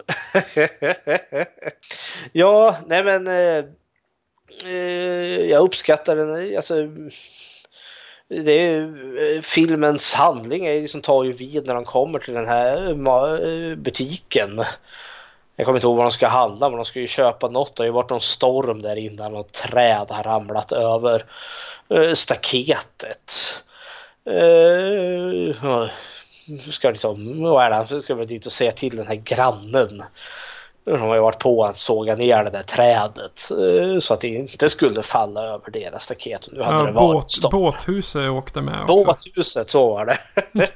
och han grannen är väl liksom så lagom liksom. Han är inte direkt liksom elak men han, ja, han verkar inte så jätteintresserad av att vilja ersätta det här båthuset. Det är, nog, det är lite ont blod mellan dem, det märks. Det gör ju det. Men sen eh, kommer de ju till det här matvaruhuset och det är då dimman helt plötsligt kommer. Det är väl, eh, man får höra liksom något ljud, något rasslar till. Eh, och sen kommer det någon skräckslagen man springandes där. Och bara springer in och liksom säger åh ni måste låsa dörrarna oh, och så rullar den här liksom dimman in och den, liksom, den är ju tjock som en gröt. Det går liksom inte att se kanske mer än handen framför sig. Jag gillar det här uppbyggnaden när de är på parkeringen. Först kommer polisen tjutande. Sen kommer brandkåren. Och sen går det inte lång tid innan det kommer några militärjeepar. Som Mhm. det, det är så här, det, det, det är stort sett som i alla zombiefilmer. Att först åker all räddningstjänst ut. Och sen eh, så folk är lyckligt ovetande ända tills det smäller till. Så, Mhm. och den här räddningen egentligen inte finns i närheten. Utan det, det, är en, det är en effektfull uppbyggnad om man säger så. Ja, det är en katastrof som har hänt. Det är bara det att vi och karaktärerna eh, har inte fått reda på det ännu. Jag, kunde, jag, jag tänkte också precis som du sa där med zombies, liksom, att ja, men det, det är inte helt olikt liksom, vissa zombiefilmer startar liksom, innan ap- zombieapokalypsen går igång. Men här, här är det ju då en dimma istället med läskigheter i. Ja, jag gillade alltså alla karaktärer som var där inne. Mhm. Det, det, jag, jag läste lite mm, om dem för det finns det är jättemånga utav karaktärerna som är inne i, i varuhuset som eh, kom med i, eh, i The Walking Dead senare. Jaha, Ja. alltså, det, alltså inspiration av dem eller menar du skådespelarna? Nej, skåde, som- skådespelarna i sig. Ja, Du har ju- när, du sa, när du sa karaktären då tänker jag herregud, vad är det någon riktig crossover liksom? Ja, nej, nej. Nej, skådespelarna till karaktärerna om vi säger så då. Ja, jag hade ett blown moment Ja, där. du har ju Lar- Holden, Melissa McBride och Jeffrey DeMunn. De, är ju, de, de kommer ju senare vara med i, i eh, The Walking Dead. Oh, så där. Ja. ja, för det är ju det, är ju läskigheter i den här. Det är ju typ monster som finns ute i den där dimman. Och det är effektfullt med, tentaklerna och Ja. usch. Ja, det, det har varit lite klurigt för det är det första gången vi har för mig att vi får se att det är någonting. Vi har ju haft den där skräckslagna mannen innan. Så sa liksom att det är någonting i dimman, oj oj oj. Eh, och det är ju något med någon kvinna där och hennes barn. Hon vill ju bara därifrån. Och hon får ju inte med sig någon utan hon går ju iväg själv och hon och det här barnet bara försvinner in i dimman, kliver ut ur den här butiken och bara försvinner. Vi får ju inte varken höra eller se om det händer något med dem. Men det första gången vi får, reda på att eh, det finns något farligt i dimman är väl när de går in i det här lagret och öppnar den här liksom gallergrinden och den här unga killen blir tagen utav den här tentakeln som kommer in. En gigantisk tentakel som har typ eh, ser ut som att den har tänder på sig ungefär. Ja, eller någon form av gaddar. Du vet, typ som, som flugor ungefär. Som för att det ska fast, kunna sätta sig fast. Här har jag sett lite, lite recensioner och sånt. När jag har sett på Youtube och andra som pratat om att tyckt att specialeffekterna är bedrövligt dåliga. Eh, och det köper jag inte riktigt. För visst är ju den här dataanimationen så visst tentakeln är ju inte riktigt där. Men jag tyckte inte att den var skrattretande dåligt direkt. Nej, men man, man får ju tänka på att filmen är 12 år gammal och det har hänt mycket med CGI och datoranimeringar och jo, sånt sen dess. och visst, den här filmen har ju ganska hög budget. Och jag, Alltså när jag tänker dålig CGI då tänker jag typ som Sharknado eller Sand Shark liksom den typen, det är för mig dålig CGI. Uh, eh, och jag tycker inte riktigt att, det, uh, att den kritiken funkar här. Men regissören här själv, han ville ju att filmen skulle vara svartvit. Och då hade man nog liksom, då hade nog kanske den där tentakeln sett än bättre bättre ut. Så hans, regissörens tanke var väl lite att han skulle få någon form av 50-tals monster vibb över den här så vitt jag förstod. Och jag ska säga att det funkar alldeles utmärkt. För i den eh, Collector's Edition-utgåvan jag har, där finns mm -hmm. faktiskt en svartvit version oh. med. Jag har faktiskt inte sett den. Nej, den är, den är underbar. Alltså, för jag, jag kollade först, eh, jag, jag la bort nästan fyra timmar av av mitt liv de här två veckorna bara genom att kolla på The Mist. Så jag kollade först på den, den i färg. Mm. Och liksom, ja men det här har jag brukat sett. Sen tog jag skiva två i tron om att det var liksom lite extra material och grejer. Nej, nej, det var en, en film till. Bara yay, jag sätter igång den och då kommer filmen svartvit. Ja, okej. Okay. så den finns som en Directors Cut svartvit. Ja, ja. Är den bara svartvit eller har de lagt till nya scener också? Ja, nej, nej, den är, den är bara svartvit. Ah, okay. det, det, är om det är någon enstaka extra, men inte vad jag kan se. Nej, nej för, eh, för det är då vi förstår att det finns monster här ute. Men så börjar det ske läskigheter i själva eh, den här butiken också. För det är ju en karaktär där, nu ska jag försöka se om jag kommer ihåg vad hon heter. Uh, Miss Carmbody hon har ju introducerats lite tidigare som typ samhällets eller stans liksom eh, ja, knäppskalle ungefär. Hon är liksom sån religiös, överdrivet religiös eh, eh, kvinna där då.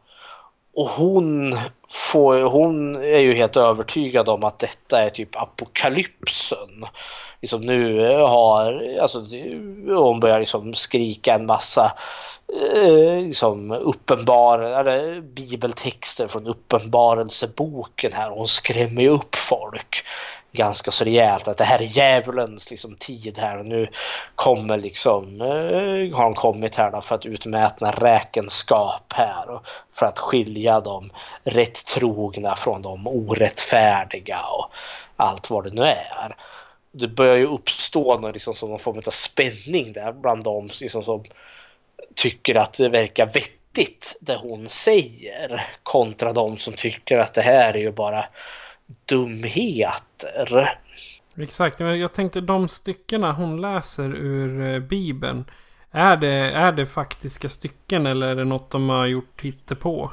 Nej, alltså nu, nu kommer jag inte ihåg. Jag skrev inte upp dem.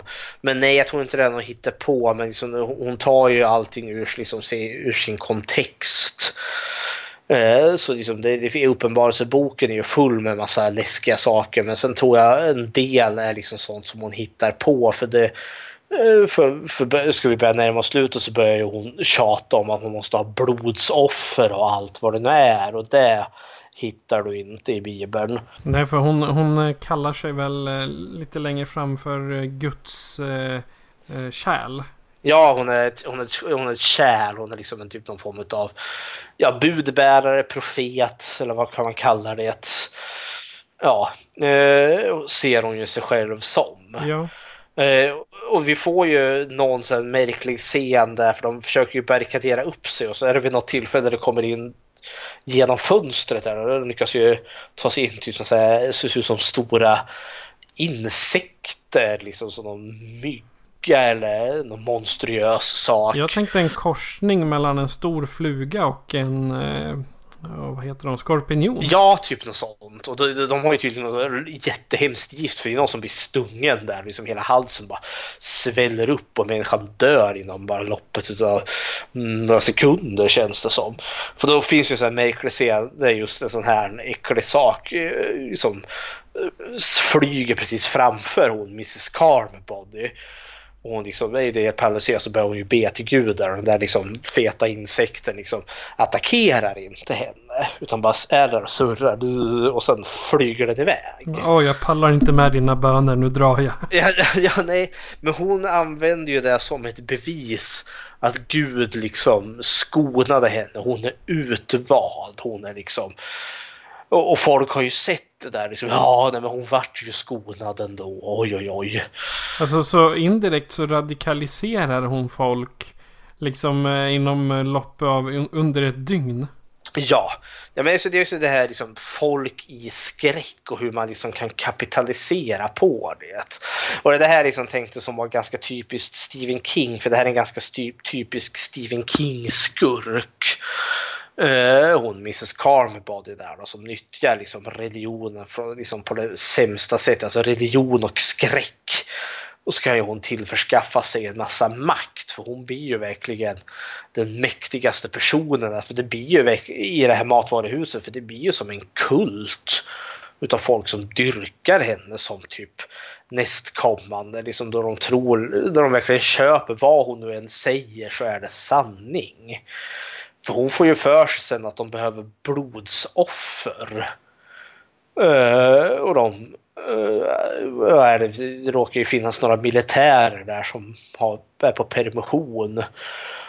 Ja, två av dem hänger sig väl? Ja, de tar ju livet av sig. Uh, och då låter ju hon, jag vet inte vad som kommer först om de offrar en av killarna och sen tar de andra två livet av sig eller om de tar livet av sig och sen offrar de honom.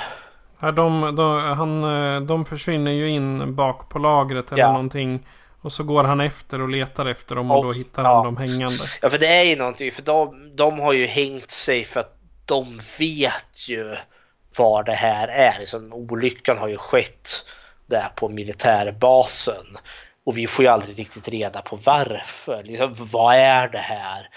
Är det ett militärt experiment som har gått fel och blattan blattan bla. Men vi som eh, tittar på filmen får aldrig något svar. Har man läst böckerna så förstår man ju att det är en portal som har öppnats till Mörka Tornet-världen där den röde kungen finns. De här monstren kommer ju från eh, Mörka Tornet, alltså Revolvermanna-serien som den också kallas. Så det är därför det där liksom är Stephen King-mummig. Nej men de offrar ju honom. Han blir ju, hon typ knivhugger ju honom och sen typ bär de ju ut honom och slänger ut han. En av de här, den här överlevande soldaten. Uh, och så kommer det ju någonting stort ur dimman liksom och plockar upp honom. Det ser ut som en stor krabbklo ungefär och så bara försvinner han. Och så är hon, Mrs Carnbody där liksom att nu är vi säkra liksom nu har vi offrat och Gud kommer skydda oss. Oh, jag tycker hon den här Miss Carnbody är en alldeles förträfflig skurk för jag blir alldeles upprörd. ja men hon är, hon är obehaglig. Ja, hon är ju det. Hon är som den här eh, snubben som står i gatuhörnet och pratar med sig själv. Liksom. Ja, och det är hon som liksom får en sån oinskränkt makt här.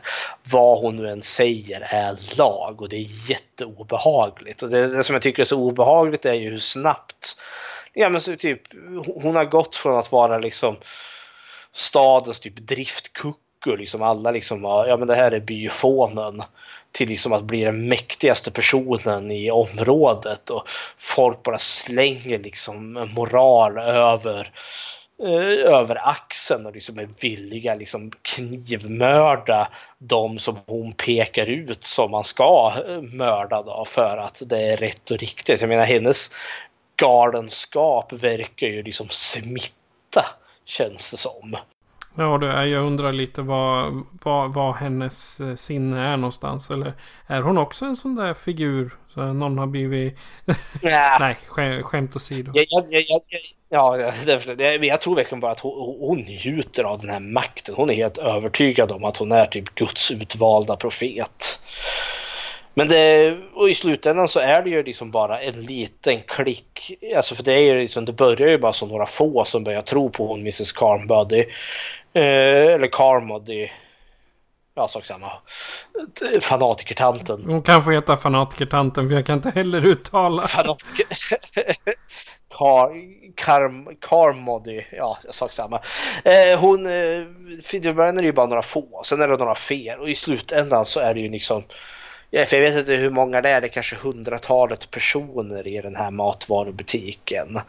Och i slutändan så är det ju liksom bara typ kanske ja, typ fem, sex stycken kvar där då, som känner att det här är ju galenskap och vi måste härifrån för eh, vi kommer att offras eh, till, utav den här kulten till monstren som finns i, i, i dimman där. Ja, mycket riktigt. De är ju fem stycken till, till slut som eh, klarar sig ur. Och det är just den här grejen, de här människorna, den här gruppen som, ja, vad kan man då kalla det, de, de vettiga personerna, de som inte går på hennes kult där.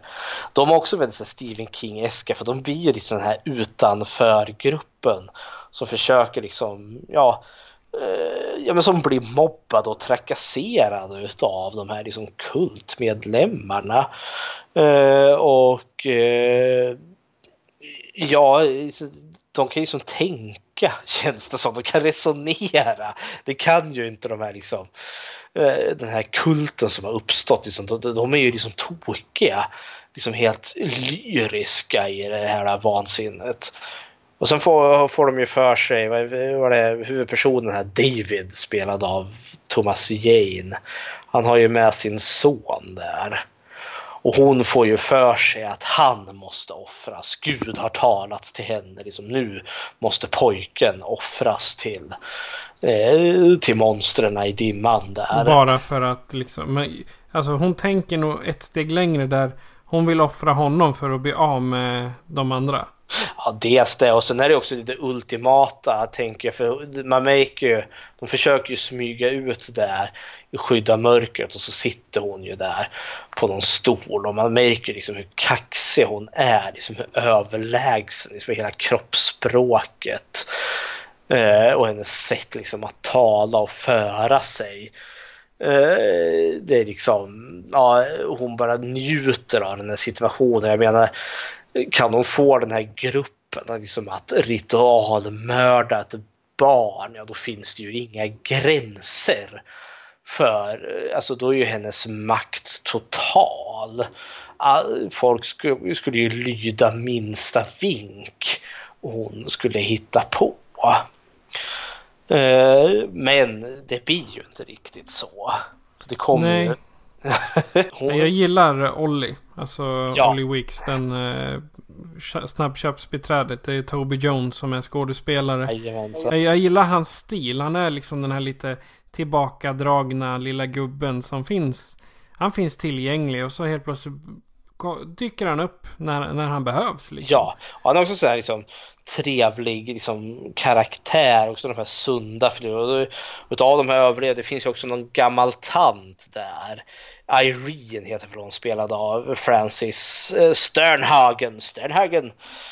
Och hon är också sån där liksom ganska eh, härligt litet rivjärn till tant.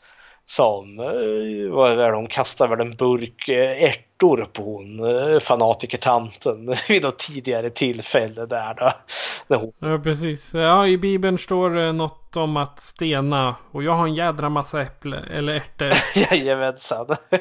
liksom innan hon, Mrs Carmody, har blivit eh, allt för mäktig. Eh, och det, det, har ju varit lite äventyr innan här, innan det här med att de ska offra barnet. Måste vi ju notera. Det har ju varit lite mer monster och de, de har ju något äventyr ute i ett apotek. För de måste ju få tag i antibiotika till någon när vi får en hemsk scen med några rysliga spindlar. Eh, ja, med frätande nät. Ja, med frätande nät och som tydligen lägger ägg i folk. Så liksom när de kläcks så liksom kryper de ut under huden på det. Så det, det är groteska saker som händer i den här dimman. Men den här fantastiska Olli då, den här lilla mannen, när hon Carmody ska låta offra den här pojken då. Han har ju en pistol tydligen, för han skjuter ju henne. Och det måste... Ja, det är Olli. Ja, det är Olli. Han skjuter henne. Och det måste jag erkänna när jag såg den här första gången. Alltså det, jag kan inte låta bli att känna att jag njöt lite när han sköt det var, det vart det var en sån här lättnad bara. Ah, gud vad skönt att slippa kärringen. Ja, ja, men det vet jag. Det, det, det, är lite hemskt kanske att säga så, men hon, den här karaktären är så, är så hatfylld. Det är så lätt att hata den här karaktären. Så när han skjuter henne, först skjuter han ju henne i bröstet så hon typ hukar ihop. Och så bara tar han något steg till och klämmer av ett till skott och träffar henne rakt i pannan och så faller hon ju död som en säck potatis där. Och den här gruppen står ju bara där helt chockad. Liksom. Den här profeten som hade alla svaren nu ligger död i en hög med blod. Då blir ju de mera som, alltså, som ett gäng sandsäckar. Ja. De, de har ingen, ingen som bär på dem eller eh, pekar på dem och säger gör så, gör så, gör så. Utan då blir de bara x antal individer som inte vet vad de ska hålla på med. Nej, och det blir ju sådär liksom, vi trodde att vi hade rätt. Och liksom, för jag menar det, det är ju liksom, jag, jag kommer vissa av de här, liksom, det, är, för det, är, det är ju väldigt liksom, stimmig stämning där när de ska offra den här pojken. Och vissa av dem liksom, de har ju bara stora flin över hela sig, liksom, är beväpnade med köksknivar där och liksom. De verkligen liksom njuter av situationen, de har rätt, de vet sanningen. Men när hon blir skjuten och dör, helt plötsligt är de tillbaka till ruta ett igen, liksom att vara skräckslagna, vilsna människor fast i den här matvarubutiken omgiven utav någon märklig dimma med monster i. Eh, så, så det tycker jag är en ganska snygg övergång där. De sticker ju därifrån och kvar står de ju där i matvarubutiken och ser ut som fån. Exakt, och samma med den här eh, nissen som skulle springa efter dem men gå vilse. Ja, Eh, men eh, sen pipar de ju iväg med, med bilen där och liksom bara letar säkerhet. Men finner ju att allt är ju liksom övertaget av den här dimman och vi har så spindelväv överallt och de hittar döda människor här och där och det liksom märkliga ljud och konstiga saker och vid något tillfälle så kliver det ju förbi verkligen ett gigantiskt odjur av något slag som kliver liksom förbi horisonten och den är liksom säkert 30-40 meter hög som bara kliver förbi horisonten där liksom tentakelförsedd konstig sak. Jag tänkte på världarnas krig, alltså inte, inte Skynet som är den, nej inte Skynet, vad heter den då? Oh. Nej men Världarnas krig, de, de äldre filmerna. För där ser monstren liknande ut i alla fall. Mm. Med långa tentakler och så ja. fiskar de upp människor. Ja men typ tripodsen där. Ja men det, ja, precis. jag, kan, ja, eh, jag, jag, kan se kopplingen där. Och sen, sen är det ju, musiken är ju väldigt liksom effektiv här också. Och då kommer ju... Den går ju lite som att nu är det kört. Ja. Nu, nu dör vi allihopa. Det är väldigt apokalyptiskt, liksom allt är övertaget. Och då kommer vi då till filmens absoluta slut där då som är ett slag i magen får man väl kalla det. Oh ja. ja, för de sitter ju där i dimman och hör det här ljuden. Alltså bensinen är slut, de har ingenstans att ta vägen. Och de sitter här liksom och ja, vad gör vi nu? Hör konstiga ljud i horisonten och det är väl något monster som, eller, som finns där. Och vet liksom att eh, säkert väntar en ganska gräslig död de allihopa. Och då har de ju Ollis pistol. Försöker komma ihåg, de är hur många är de? De är sex stycken i bilen men det finns Fem. fem. Fem. De är fem stycken i bilen men de har bara fyra skott. Och kommer väl fram till att det är bättre att dö här och nu än att liksom invänta, alltså en snabb död med pistolskottet och än att invänta någon hemskt öde från något av de här monstren. Exakt. Ja, och så blir det ju väl han pappan i gruppen som tar på sig där och så skjuter han ju ihjäl dem allihopa då. Inklusive sin egen son. Ja, jag kan, alltså det, det gjorde ont i hela mig. Mm. I hela min själ när jag... När man såg... Man ser ju bilen utifrån och det blinkar till och Japp. pangar. Det, är så här, det gjorde ont. Ja. Jag, jag förstår hans eh, skrik efter. Ja, gud ja. Han försöker liksom, ja, han är ju förkrossad och vill ju bara dö. Men, och det som hör till är att man har ju hört det här ljudet. Det är liksom som har kommit närmare och närmare och till slut så kommer det ju någonting ut ur dimman. Och då visar det sig att det är en, en pansarvagn eller något sånt där. Det blir så här snope. Ja, alltså det är en militäreskort. Det visar sig att militären har varit här och liksom eh, röjt undan. Och det är liksom det är en stor karavan utav människor då, liksom, eh, som sitter i lastbilar där då, omgivna utav militärer och militärfordon då, som håller på och forslar dem till säkerhet. Och det var det här märkliga ljudet man hörde, eller det, det märkliga ljudet man hörde var väl från eldkastarna, för när de åker fram och liksom bränner saker. Man får se dem gå fram och bränner någon kokong där och eldkastaren går igång och då är det liksom det här ljudet som de har hört. Som de då har hört då i horisonten som sakta har närmat sig. Uh, och det slog mig också att den här kvinnan och hennes barn som precis i början gick när dimman rullade in i början. Hon står ju på en utav de här lastbilarna. Så hon tog ju sig till säkerhet. Hon frågade finns det ingen som kan hjälpa, vill ingen följa med? Och han pappan, eh, huvudpersonen där, hans eh, eh, pojke där, han sa nej vi stannar här, vi har tryggheten här. Och hade de gått så hade de varit säkra. Och det är ytterligare liksom bara åh, salt bara rakt i såret. Usch! Ja, det, hon är ju... Nu ska vi se vad hon heter. Hon heter ju Melissa McBride. Hon är med i eh, The Walking Dead. Och så där. Ja, och där tar ju filmen slut. Ja, precis. Vi gick igenom hela filmen på ungefär 10 minuter. det var inte dåligt. Men eh, nu har vi ju spoilat precis allting vilket vi brukar göra. Men den här, det finns mycket godis att hämta i den här filmen. Och jag tror liksom, Ja, det är mycket så här cameos och små detaljer som är mm, nästan mer intressanta än själva filmen. Mhm. Ja, eh, jag tyckte att den här, ja, den, den är helt klart sevärd tycker jag. Och jag kan förstå väl att det här slutet kanske är lite magstarkt. Men alltså, jag, jag tycker det är all respekt åt dem att de behöll det här mörka, mörka slutet istället för att liksom eh, göra det till ett lyckligt slut. Alltså det här slutet är ju mer passande liksom vad Stephen King i regel brukar göra. Så, ja. Ja. Eh, har du någon intressant fakta? Nej, det enda jag hade var väl det där just att eh, den ska egentligen ses som i, i svartvitt. Eh, och det har jag ju redan nämnt. Ja.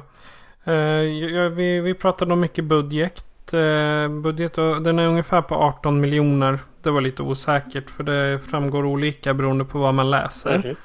Den kom till Sverige 30 maj 2008. Mm. Eh, premiär 12 november 2007 i USA. Se där. Tänk, under den här scenen med fåglar och malar eller vad det nu är som flyger in i, i butiken så är det en man, en man som springer, i, springer in i en boksnurra. Ja. Och om man pausar i rätt sekund så ser man att alla böckerna är Stephen King. Jaha, vad roligt. Ja, ja, det här är lite som jag har stulit ifrån eh, från IMDB bara. Ja, okej. så här. Och Darabont han använde inte ett vanligt filmkamerateam utan han tog eh, två kamerateam som arbetar med TV, tv-serier istället. Och då eh, de är mycket, de är mycket mer, de är vana vid snabba omställningar i scener och, och liknande. Plus att de kunde vara två kamerateam som avlöste varandra hela tiden. Så att det, det för oss skynda på eh, produktionen. Och Darabont eh, han regisserade också Nyckeln till frihet och Den gröna milen. Mm, det är också så här, två väldigt bra adaptioner utav Stephen Kings verk. Exakt. Och sen där, när vi pratade om posten där och, om eh, på det mörka tornet. Och den är egentligen målad av en eh, herre som heter Drew, Drew Struzan. Och han har även gjort omslagen till The Thing och eh, Harry Potter-filmerna. Och eh, det här vill man ha en massa fakta nu så eh, föreslår jag att gå in på IMDB och läs. Och Eh, vi har fått ganska massiv respons på den här filmen i en av Facebookgrupperna som jag publicerade. Närmare 40 svar. Så att eh, vi, har, vi har bra åsikter från eh, vad jag hoppas på är lyssnare också. Och då eh, vi har Rickard, han eh, säger helt okej, gillar slutet. Eh, Emil, han säger jag såg den först när jag var yngre. Slutet fick mig att må dåligt som fan. Bra slut dock. Jag förstår honom. Ja, precis. Och sen har vi Pierre, grym, enkelt. Siri, hon säger älskar den. Mådde dåligt av slutet för det var så hemskt. Och sen är det Sofie, hon frågar blandar jag ihop det med något annat? Och jag skulle gissa på att det är The Fog hon tänker på. Ja, det är inte fullt möjligt. Det kom ju en remake på den också. Ja, precis. Säger en kille som heter Erik. Han skrev halvtaskig CGI och lite fåniga monster. Men det gör ingenting för det som händer mellan karaktärerna tycker jag funkar riktigt bra. Halleluja till det. Halleluja till det. Daniela hon skriver så jävla bra film. Många bra karaktärer, bra story och filmens mest ångestfyllda med en bra slut. Jag har inte läst boken innan jag såg filmen men kunde konstatera när jag läst klart boken att jag saknade filmslutet. Marcus, han skrev bra rulle. Eh, nu ska vi se, bra rulle med en av de bästa, mest oväntade slut på en film. Annika hon skriver, den var skitbra tycker jag, speciellt slutet. Och Joakim han skriver, finns två olika slut på, det, på extended-boxen. Är det, något du har sett? Nej, jag har aldrig hört talas om. Men det kan ju vara något som har kommit nu senare när Blu-ray och sånt har kommit. Ja, det är fullt möjligt. Ja. Eh, Evelyn hon säger skitbra film med hemskt slut men en film man kan se flera gånger. Eh, Daniel han säger bästa filmatiseringen av någon av hans filmer även om djurkyrkogården också ligger mig varmt om hjärtat. Slutet är grymt bra. Eh, Henrik, novellen är toppen och filmen helt okej. Dante, bra. Jublar när de dödar fantastiska kristutanten. Eh, jag, jag står... Ja, är det inte fanatik... Ja, Fanatiska kristutanten ska du säga. ja så måste det vara. Ja, men jag, jag, jag high-fivade mig själv när det hände också. Så. Eh, Och så Sofia, bra film, gråter alltid i slutet dock. Mhm. Eh, Så har vi administratören själv i gruppen. Eh, Grym novell, grym film, kass tv-serie. Se det här. Jens han skriver ett mästerverk, slutet är episkt. Thomas han skriver bra film, bättre bok, urdålig serie eh, om The Mist på Netflix. Han hade en till som inte riktigt uppskattade serien där. Eh, Robin skriver schysst monsterflick. Eh, Mats-Ola skriver grymt slut. Och Kristoffer skriver bra premiss, stämningsfull och passande slut. Eh, då kan jag fortsätta med, Jock, med Jockes kommentar. Fantastisk. Eh, sen Tony. En medioker Stephen King-filmatisering. Taskig CGI och störande karaktärer. Ett plus för det oväntade slutet dock. Daniel, filmen har absolut något speciellt. Jag rekommenderar verkligen den svartvita versionen som finns på brittiska Blu-rayen. Mm. Och sen gör jag en parentes där att det finns på alla som är dubbeldisk. Mm. Och Linda då, älskar The Mist, har sett den flera gånger. Gillar början bäst när de står i kassan i varuhuset och dimman kommer. Man älskar alltid starten på alla katastroffilmer snedstreck skräckfilmer när spänningen byggs upp och alla grips av panik. Pss. Grips.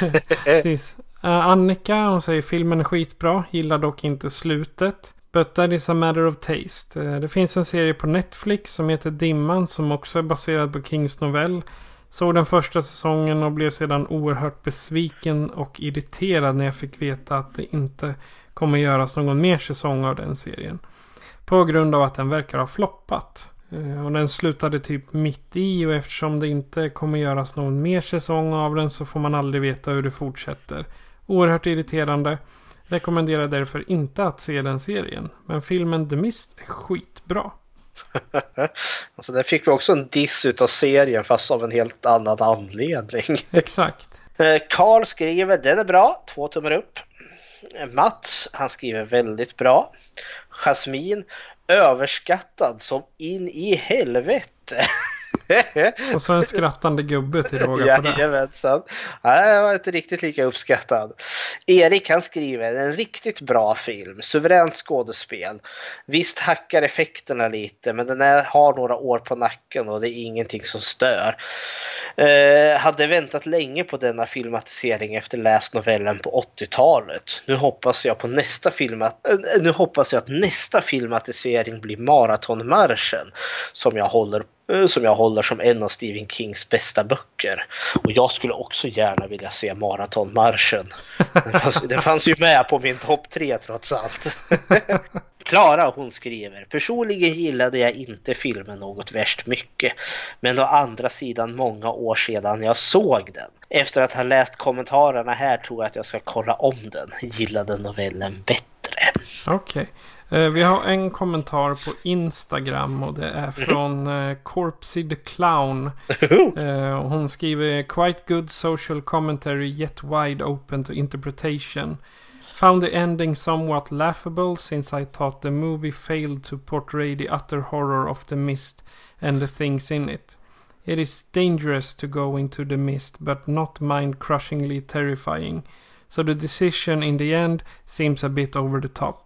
Also, the wonderful dramatic music of the dead can dance contrast so harshly with that unjustified decision, so it just made me giggle.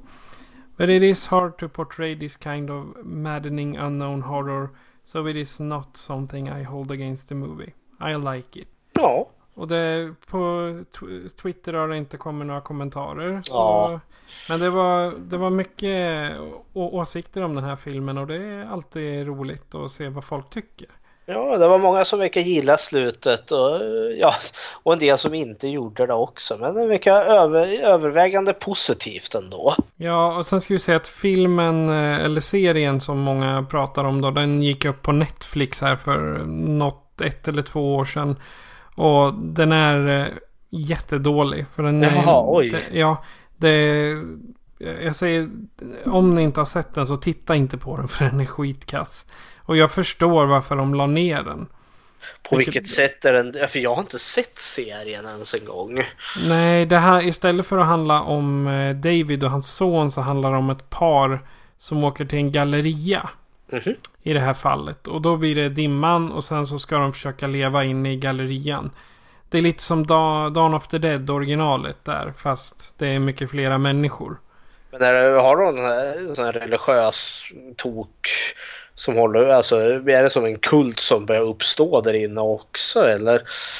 Nej, inte på det sättet. Utan där är det snarare att några får för sig att de måste offra folk. Ja, ja. Och då eh, får, blir de tvungna att gömma barnen. Och, Ja. ja, som sagt, jag, jag har inte lagt den så mycket på minnet. För, och det är bara det, den var ju så kass. Ja, jo, när jag ser den. Den har liksom 5 av 10 i betyg på IMDB. Så ja, nej, det... Men, märkligt koncept också att vilja göra det här till en tv-serie också tycker jag. För det med den gjorde sig ganska bra som film. Liksom, kan man sträcka ut den här berättelsen i tv-serieformat undrar jag. Och det var kanske det som inte gick. Ja, precis. Och det är ju Netflix i ett Ja. nötskal. Men de gjorde samma sak med Scream. Ja, fast den fick ju ändå så två säsonger. Ja, ja, ja, men det är tre till och med. Tre? Ja, Oj, så ja. Nej, men det, den tyckte jag var helt okej. Men The Mist var verkligen ett slag i ansiktet. Så dålig var den. Oj, oj, oj, ja, nej, då. Det är nästan som man är lite nyfiken och ser för den. Är den så dålig som jag tror att den är? Ja, exakt. Ja, men det, du kan ju bilda en egen uppfattning om inte annat. Ja, ehm, har du några sista ord om The Mist? Eller anser du att vi har sagt allting? nej, jag tror vi har. Vi får inte ut mer blod ur den här stenen. Okej, men om eh, du som lyssnare då har något mer att säga eh, så kan du göra så här för att kontakta oss. Skräckfilmscirkeln spelas in av Patrik och Fredrik. Patrik är producent. Besök www.skräckfilmscirkeln.com för att hitta hur du kan kontakta oss och var du kan lyssna på oss. På kofi.com skräckfilmscirkeln kan du hjälpa till att bidra till våra avgifter. När 2019 års avgifter är betalda kommer vi fortsätta lägga pengarna på er lyssnare. Chansen är alltså större att ni kan vinna filmen vi pratar om efter varje avsnitt, om ni är med och bidrar.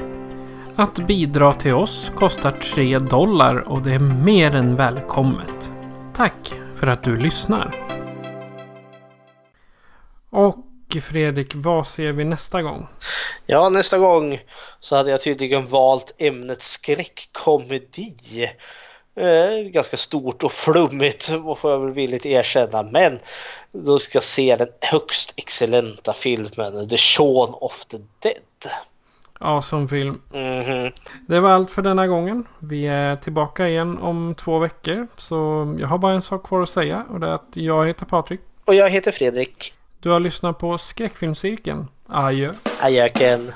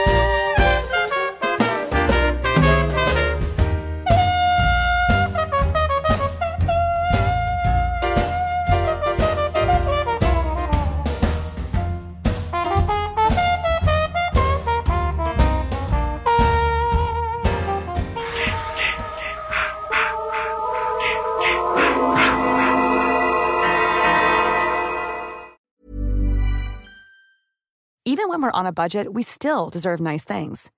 Quince is a place to scoop up stunning high-end goods for 50 to 80% less than similar brands. They have buttery soft cashmere sweaters starting at $50, luxurious Italian leather bags, and so much more.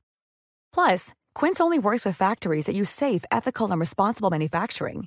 Get the high-end goods you'll love without the high price tag with Quince. Go to quince.com slash style for free shipping and 365-day returns.